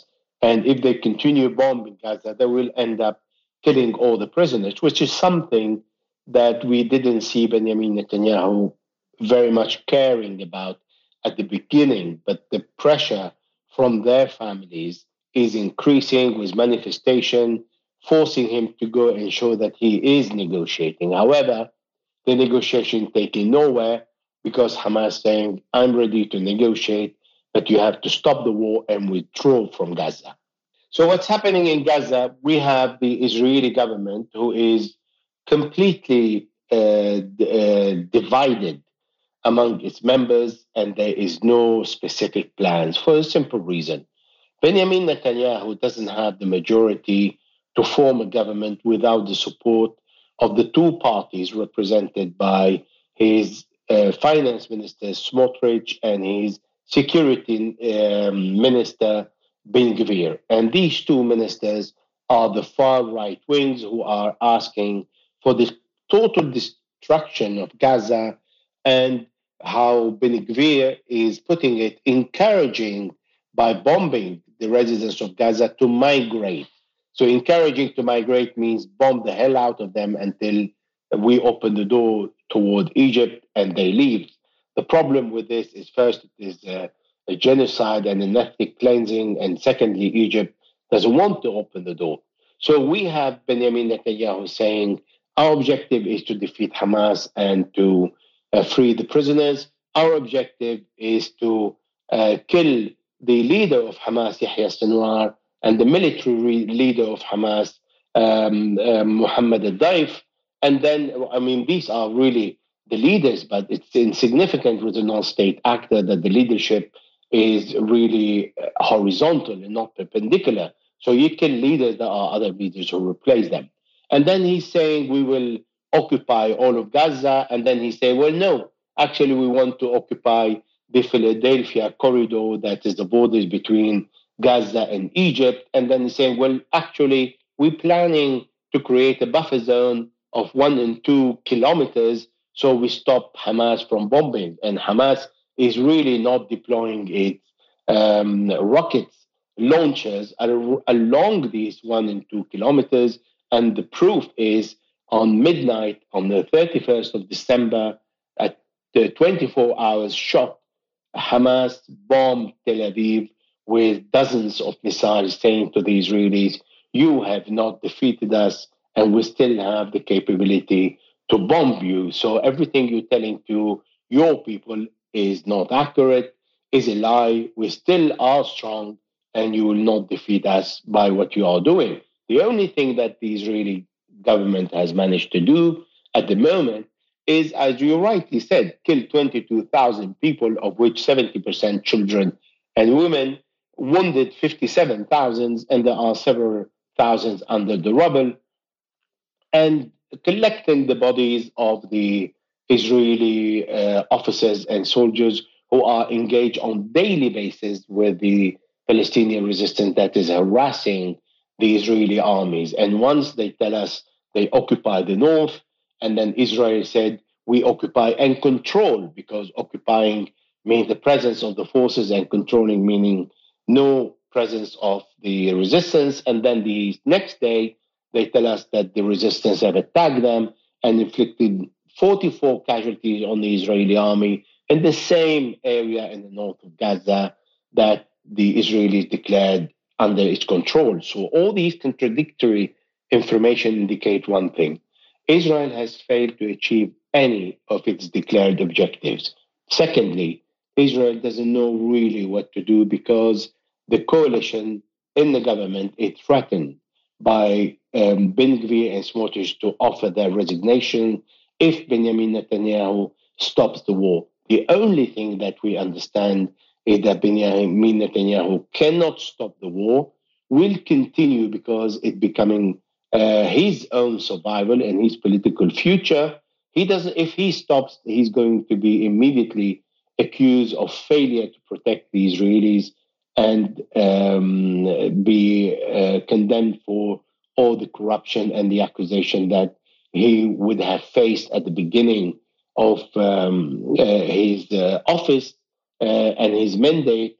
But this coalition allowed him to escape justice so far. So this is the choice of Benjamin Netanyahu to continue the war slowly without any objective. And this is the worst a political leader or prime minister can offer to his army and also to the population that is under continued bombardment. Well, he's also stuck in a box in the sense of him saying, My job is to get rid of Hamas, which means if you stop the conflict short of doing that, then you have basically failed in the objectives that you've stated um, going into it. I mean, are there clear objectives that Israel is trying to accomplish? Meaning, regardless of the propaganda, right? Oh, this is the most moral military in the world. Let's put all that stuff to the side for a moment. And even let's put aside the comments that have been coming out of the White House, because those have also been contradictory in regards to what they believe they want or what they are trying to accomplish or what they're trying to push the Israeli government to basically do. From your point of view, what is the ultimate objective? Is it just really we're going to make this a hellscape where there is no living situation, there are no hospitals, there are no mosques or schools or anything like that, which will force the people in this particular population to either evacuate or basically just live in tents, meaning we want to make their living situation so miserable that they basically allow us to take it. They basically leave. Is that what the Israeli government ultimately wants? Because I got to be honest, I'm unclear of what the main objective is. I understand getting rid of Hamas. Fair enough. But that, you know, if I look at the numbers, 22,000, and like you said, 70% are kids or women and children, and I would imagine another percentage of that are old people, then you get maybe 85%, what maybe 15% of the people might have been Hamas. Well, you're talking about like 30, 40,000 fighters that we were talking about at the very beginning of this conflict. I, I, I don't, from your point of view, what is the ultimate goal? Not what they say the goal is, but what is the ultimate objective in real terms that they're trying to accomplish on the ground with these military strikes and this military intervention? To be honest, as the, from the military approach, you have the political leadership who offer a plan to the army, and then the army needs to see if this plan is feasible or not. Offering already to get rid of Hamas and defeat it is wrong because, as former Prime Minister of Israel Uh, Ehud Barak, one of the most brilliant generals in the Israeli army. He was the chief of staff and then a prime minister. He says Hamas is an ideology that you cannot defeat. This man is realistic, as many officers within the Israeli army who came out and said more or less the same. We cannot defeat Hamas. This is why now we hear voices from Israel saying, well, perhaps in two years' time, the Hamas capability will be depleted or will be less than it is today, which means that it is not possible to get rid of Hamas, and the objective is really not feasible. Secondly, sending an army without a clear objective, it means a defeat of the army. The army is defeated when you have hundreds or thousands of casualties and the objective is not met or impossible to meet. When you have an objective that helps the army and the population behind this army to survive and have a better life, then the all the uh, casualties are justified. So far, the Israeli army has, as an Israeli army, more than 9,000 casualties uh, between wounded and killed. They, they, say they have around 500 plus uh, officers and soldiers killed and all the rest are wounded. However, all these numbers may, means nothing for the army because they have achieved no realistic objective. So all, all their objectives have not been met, which means that they have been defeated. Therefore, uh, the uh, the what the prime minister is saying all the time is saying something that the army cannot achieve, and this is why he's not having the chief of staff in his small meetings of the war cabinet because he knows already what is the answer. And he knows that this is uh, something that he cannot meet and he cannot satisfy Prime Minister Benjamin Netanyahu with his request. Actually, yes, they can destroy. It's an army that is capable of destruction with all the support that's coming from the United States I mean, we're talking about 30 ships, 230 planes full of weapons to Israel because Israel cannot last for three days bombing Gaza with this intensity without the support that's coming from the United States. Therefore, the US is partner. However, the US generals said from the very beginning to the Israelis, you have to set an achievable objectives because no objective is achievable so far Therefore, what we are seeing is just a continuous destruction. This is something that the Israelis can do. and they are very capable of.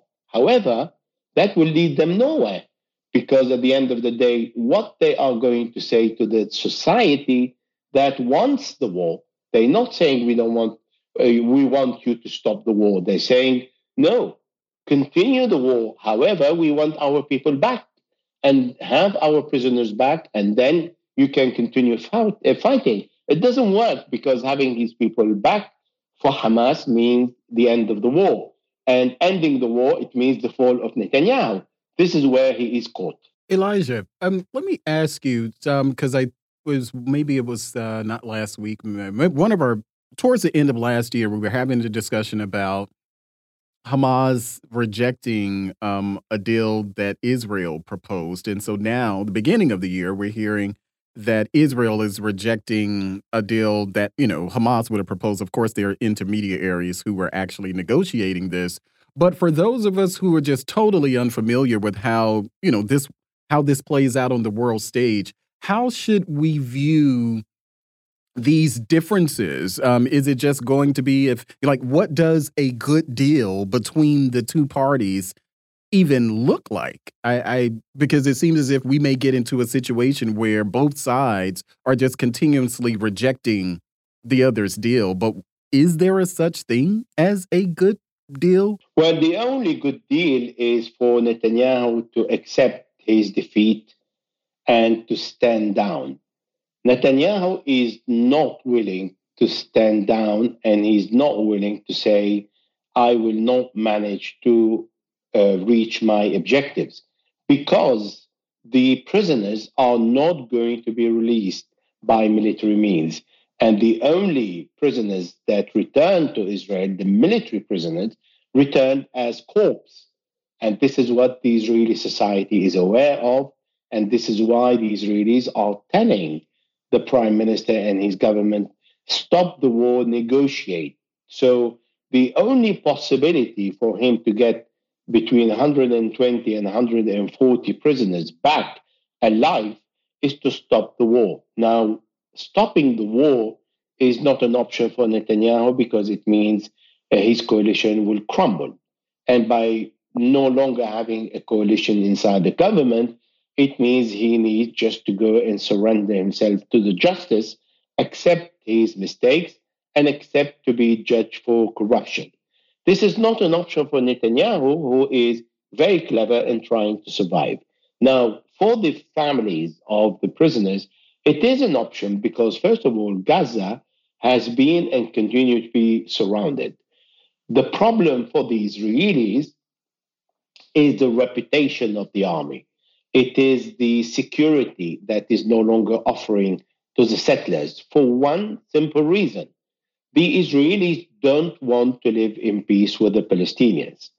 Had the Israelis decided to accept the Oslo Agreement, the peace deal Oslo Agreement, we're talking about Oslo 1 and 2, 1993, 1995, which is very bad for the Palestinians and all in the advantage of the Israelis because it doesn't give the independence of the Palestinian state because it's still controlled by the Israelis for the access and the entry. However, the Palestinians accepted, even Hamas accepted the Oslo Agreement.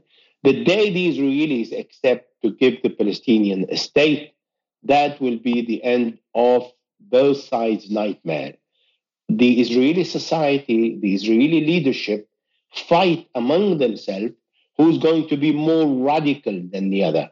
So we had a moderate prime minister, Naftali Bennett, who's saying, Well, I killed Palestinians and I have no problem in killing more Palestinians. That's the image of the Palestinian leadership. We had Lieberman, another right wing, extreme right wing. We had Netanyahu, the, who is a Likud party, 1977. The presence, the presence of any Palestinians on the land of Israel is a threat to the national security. The teaching to the Israeli uh, children at home, at school, that the demography of the Palestinian is a threat to Israel, that no one is innocent in Gaza, that these are animals. How do you want these two populations to live together if this is what the Israelis are projecting on the Palestinians? If the Israelis don't realize that the only solution in that part of the world is peace, where Jew, Christian, and Muslim live together for centuries without any problems, the Israelis will not rest, and the Palestinians will always think that sacrifices are necessary for us to be heard around the world and for our cause to be um, listened to and for us to have a piece of land in our ancestors' land that we were kicked out. I mean, if you look at Gaza, it made of so many camps of all the refugees that were kicked out of the rest of Palestine. And they went there in the West Bank and Gaza. And this is where they are, where Israel control the water, electricity, food supply, anything coming to Gaza. People in Gaza don't have access to airport, don't have access to sea, and don't have access to land without the agreement of the Israelis. This is an open space uh, camp, a concentration camp where no population in the world can survive. And at the end of the day, there is no occupier that has managed to win ever. The resistance, with time, not this generation, maybe the next generation, will win. Elijah, I'm curious about something else. The Red Sea. Apparently, Iran has a vessel in the Red Sea. The Houthis has taken upon themselves to, I mean, shockingly, uh, and I, I don't, I'm, I don't, meaning the reason I'm saying shockingly, many of the other governments who have complained about Israel's behavior haven't necessarily done anything about it in the tangible sense. Um, Yemen or Houthis in Yemen have actually taken proactive steps in order to try to undercut or stop the shipping of weapons or let's say materials that are going into Israel through that through the Red Sea. Apparently, a vessel for Iran has also shown up in the Red Sea, bringing up concerns that there are going to be some kind of tensions or either further tensions in that region. Give me a take on this. Why is the Iranian vessel there? Um, the Houthis themselves, have they surprised you and the level of, I guess you could say, um, resilience that they basically employed? I mean, for the most part, they've been the only actor that have gotten involved materially in order to stop or at the very least to protest what Israel has been doing. Give me your take on this. Why is that Iranian vessel there? And is there any expectation for that Iranian vessel to get involved further than what it than just its presence? This is a very good question. The Iran um, warship is there to tell the Americans and the British and the French and the German who are there that this passage is not yours. It is an international passage and it is for everybody. And Iran is saying that as you are present, we are also present. And this area can turn into a war zone if you continue behaving like you are the owner of the passage and then you continue supporting Israel, regardless the Israeli war crime, crime against humanity, and genocide that they are committing against the Palestinians. Now, the Houthis set a very clear target they said the shipment heading toward Israel can regain their activities only when Israel open the borders and stop killing the Palestinians. As Gaza is under siege, Israel will be under the siege from Bab el Mandeb, the crossing to the Red Sea. The, of all your merchandise, they cannot cross without our permission, and we will not give the permission unless you stop bombing the civilian in Gaza. Now, if we look at the United Nations and we hear what Antonio Guterres, UN Secretary General, is saying, he was saying exactly what the Houthis were saying that there is a bombing of the civilians. He has lost 133 UN employees in Gaza. All the schools that UN has built throughout the, the uh, years have been destroyed by the Israelis. 230 UN schools completely flattened. The EU also, all the schools built by the European were totally destroyed. And by just coming out on the television for the Israelis to say, we are going to cut water, electricity, food supply, and medicine, and don't lecture us, it's already a recognition of a crime against humanity that the United Nations consider the, the Israeli as an occupation forces the United Nations, Article 51, gives the right to the Palestinians to defend themselves, right of self determination, and right as a, resistant force to fight the occupier. So the, the position of the United Nations is very clear. We don't care what the Americans and the Europeans are saying. Israel has a right to defend itself. That's a violation of the international law. By behaving as such and committing genocide, and South Africa presenting the case in front of the international court, and the Israelis trembling, extremely worried about it, is because they understand they have been very vocal about the genocide they've been saying and doing, and that they can be caught in their own from the uh, uh, horse mouth, saying it and confirming that this is what they've been doing and this is what they told the world they've been doing. So what the Houthi is saying to the, all the Arabs and the international community, you don't care, but I care. However, the Houthis are not on their own in this battle because the front in Lebanon is open and the Hezbollah is engaging with the Israelis on that front, and the Iraqis are attacking uh, the U.S. military bases in Iraq and Syria, telling the Americans, you have the possibility to stop this war and you have to do something about it because without you, the Israelis will not stop. Now, it seems that the Americans are happy to uh, in, uh, take on board some casualties for the sake of Israel and are supporting Israelis regardless what they are telling us. Because at the end of the day, what the Biden administration is doing is trying to create a public relation balance uh, to say, well, we really don't agree with the Israelis for what they are doing. We pull out a carrier, but we still have another two in the area. And uh, we are asking the Israelis to go to a third phase where they target assassination and not indiscriminate bombing. Well, the Israelis are still doing indiscriminate bombing. And where have you been in the last 88 days uh, uh, supplying the Israelis when, with hundreds of tons of explosive and allowing them to commit all these crimes? So, what the Americans are trying to say, we want to save some of the face that we have for our presidential elections, but as Biden said, impossible to ask for a ceasefire now.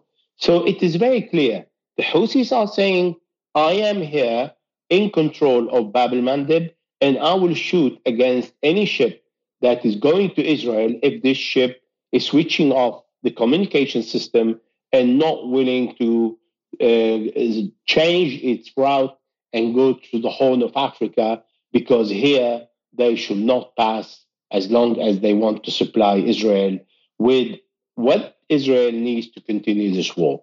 That is the what's happening in Bab el-Mandeb. Now the Arabs, unfortunately, they've done nothing because they don't they don't consider this is their cause. Although Al-Aqsa is part of their belief and their religion, the Palestinian the Palestinians are Muslims, Christian, and Jew because we have to watch it. There are many Jews in Israel against what the Israelis are doing, and much more Jew outside Israel, totally against what Israel is doing. So this is a, just cause, and fighting injustice is not limited to the Arabs only or to one or two religion. It is really the cause of all human being because injustice can hit all of us. If now people don't stand with Palestine, which they are, the problem is in the leadership. The gap between the population and leadership is so big that there is no communication and each side doing differently. So today there is a cause that the population around the world is supporting Palestine.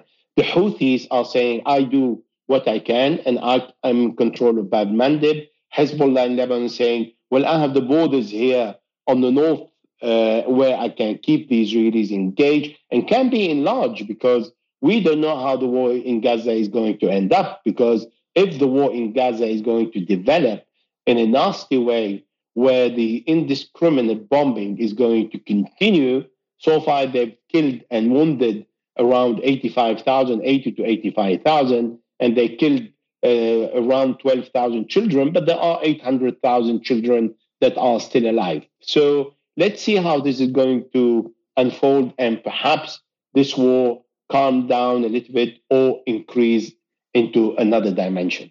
Elijah, just to clarify something you said, I think you were saying that um, part of Iran's strategy was to send a message to the U.S. as far as just the assumes control um, over those waters and that it's international waters.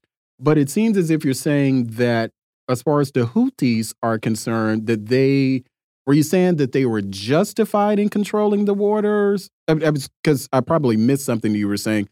I guess I'm trying to reconcile the control of that space. Why I understand the opposition to what the Houthis have as far as Israel and the you know moving equipment or anything on the ships, but isn't that controlling the international waters, like determining that it, it, you know Iranian ship vessels can't travel through that area, or did I just I could have misunderstood you, but I just wanted to clarify that. Okay, first of all, the Red Sea belongs to everybody. It's an international water. Right.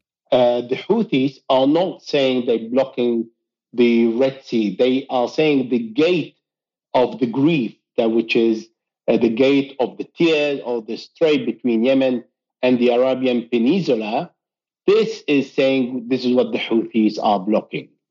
And this particular crossing is under the control of the Houthis. But the Red Sea, it's an international water and the navigation is available for everybody. Now, the Houthis are saying to all the other ships, you can continue navigating, and there are hundreds, because today you have thousands of ships that are crossing the Red Sea. And the Houthis are saying only those carrying goods to Israel are not allowed to go through. So this is where the Americans, the British, and the French and the German are saying we are going to control and escort the shipment that going to Israel. Now, practically speaking, this is not feasible because the um, the U.S. and the European Navy cannot really um, go with every single ship that is going through Bab el Mandeb. And the, if this ship is not responding, the, the American or the European navies cannot stop the missiles launched by the Houthis. They can intercept, but by the time they intercept the, miss, the missile or drone, other missiles can hit the ship. At the end of the day, no insurance company would like to be confronted with such a situation. And already the insurance companies ask for to, uh, an increase of 200% uh, on any goods traveling in the Red Sea. So all that is putting everybody in an odd situation where the simple solution is to ask the Israelis to lift the siege on Gaza. Elijah, I'm curious. Looking into 2024, what do you think is going to be some of the main stories or the main whether it's on this issue, whether it's on Ukraine or any other foreign policy issue, what do you think is going to be one of the main things that we're going to look out for coming into the year? I think we will have several topics in this coming year, in, in 2024. First of all, we will have Ukraine, because we can hear how the Ukrainian president is still not fully aware, but understands that his war is coming to an end and there is no longer appetite to finance him as the Americans and Europeans made him to believe in 2022 uh, when they showed him such a solidarity that will drive crazy any person and think he's really sitting on top of the world. By the Americans giving him all the parliaments around the world, and giving him a platform to speak and talk, and then uh, advertising for a counter-offensive that is going really to not only liberate Ukraine, but perhaps also take part of Russia. All that turned out to be false, and now um, uh, the in the international and mainstream media is talking about not only Zelensky is not willing to admit his defeat, and he's not uh, willing to admit that Russia is winning, but he is still uh, willing to continue fighting if we continue supporting him. Well, I don't think there is any support for Ukraine, and that conflict um, may take some uh, several years before the Ukrainians accept uh, that this is not going anywhere. Maybe the Ukrainians would want to wait for the results of the elections to see if Joe Biden is going to push them uh, to sacrifice more of their troops for nothing. But I think Ukraine will be on top of the agenda in this 2024. The second topic, I think, is the, the presidential election. It's not going to change a lot for uh, the Middle East or for uh, other conflict in the area, but for Ukraine, it does, because we understand that Donald Trump doesn't have the same position against Russia as the personal vendetta of uh, Joe Biden, who tried, but he failed, and he doesn't acknowledge his failure because he is not the one losing uh, his men. And um, uh, I think the conflict in uh, Gaza will have a devastating effect on Israel. If this conflict doesn't stop and the Israelis occupy Gaza, it will be more devastating for the Israeli reputation. The more the Israelis go into Gaza, the more they will be faced with the resistance and the more welcome they would be by the harassment of the resistance that they will inflict more casualties and that will make them regret of being inside Gaza. At the end of the day, no army in the world can start pouring all the bombing and destroy totally Gaza completely with all the 2.3 million in the city. At the end of the day, they have to stop. And once they stop and they will push their army in, then this is where they will lose more. And if they stop and they don't push the army, this is where they have lost anyway. So that will be a turning point in the history of the Israeli Palestinian conflict and the clear victory, regardless the consequences uh, and the all the civilian casualties that are very uh, uh, devastating. However, as a strategic result, it will be more devastating on the reputation of Israel. I think these three main topics very hot in 2024. Elijah, man, I always appreciate you. And look, man, coming in a year, um, Happy New Year. I'm Elijah Magnier.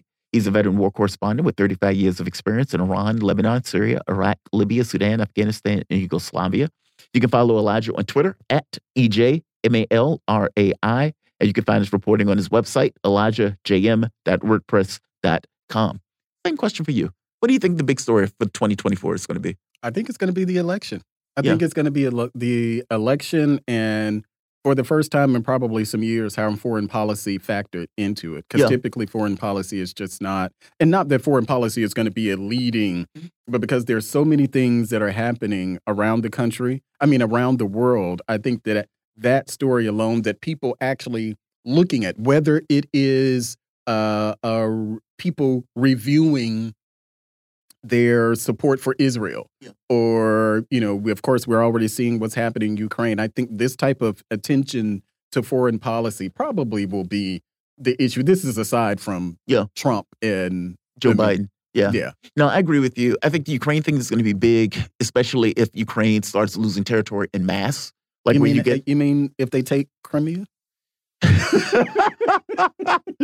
That right. will be a story. That would be a hell of a story, that right? Be, Be sitting here like, wow, we all joked Zelensky. We had no idea he was serious about this. Um, no, I just mean from the amount of support that Joe Biden gave to Ukraine back in 2023, we're with you for as long as it take. Putin has already and lost the continue war. to say it throughout 2023. Yeah, he kept saying it, and now it's okay. We have limits on this. No, duh. Yep. Congress hasn't even and approved the money for the it. money. Still haven't got the money for it. I haven't even seen anything where Congress said they're going to give them the money for it. And weirdly enough, the longer you go without it, the more they may be inclined to be like We like, can do without it it. all. Yeah. They've done without it this long. Why Yeah. do they need it now? If they, if Ukraine is in a position where Russia is making big gains, where or you see a large number of surrenders by Ukrainian troops, gonna say, send them some more equipment. yeah, what are you going to do How with you that, right? do? Yeah. It's like you've you built up this massive, lethal military in Ukraine on the Russian border. And all of them knew that this was going to be, you know, a deal breaker. But all of them, even when you're looking at what they were reporting on, had no.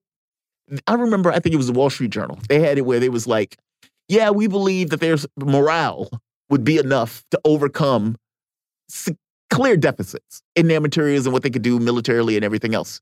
And it's like, what? Say it again.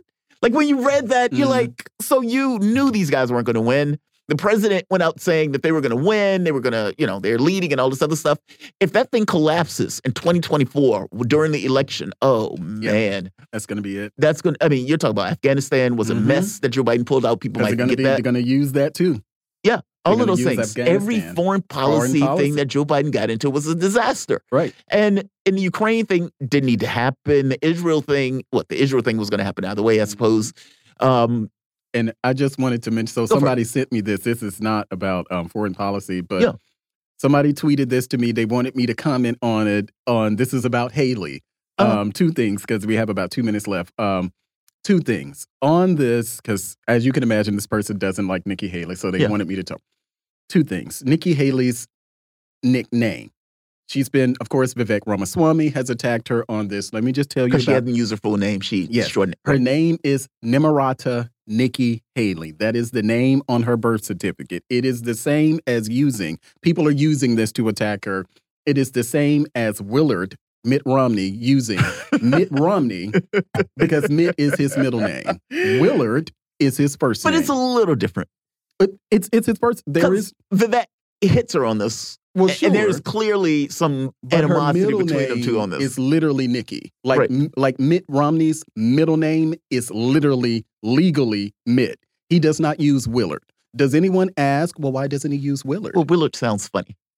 Bill is nowhere in William Jefferson Clinton's name. But every, they always call people William Bill, which I never quite understood. A name that doesn't even exist. yeah, I don't know where we that came call from. Bill Clinton Bill Clinton. Why cannot why can Nikki Haley not refer to herself as Nikki Haley in the same way that Sunny Hostin on the review on the View, whose name is Asuncion, Uh-huh. she chooses the nickname the nickname Sunny. Why can she use Sunny, but Nikki Haley cannot use Nikki? This is just about I understand crazy. where you're coming from. Nikki Haley. I think stuff. if you're talking about a Vivek Ramaswamy, he may take issue with the fact that she is ignoring, let's say, an Indian name in favor of Nikki, which is why he hits her okay. on that point. But to your point, people use their middle names all the time. What's the big deal? Yeah. I, I feel there's a difference there, but I, I don't want to dig into it when we have like 20 seconds. Right. All right. So, look, we have come to the end of another show, the first show of a new year. This new year is going to be fantastic for all of you who are under this voice, hopefully, anyway. I want to thank our producers. I want to thank our engineer. I want to thank Malik Abdul. My name is Jamal Thomas. Whether you're listening on radio or Rumble, keep listening. We're also on Twitter Yes. and doing well on Twitter. Um, look, you guys are listening to Fault Lines. Signing off. Have a good one, all. Fault lines.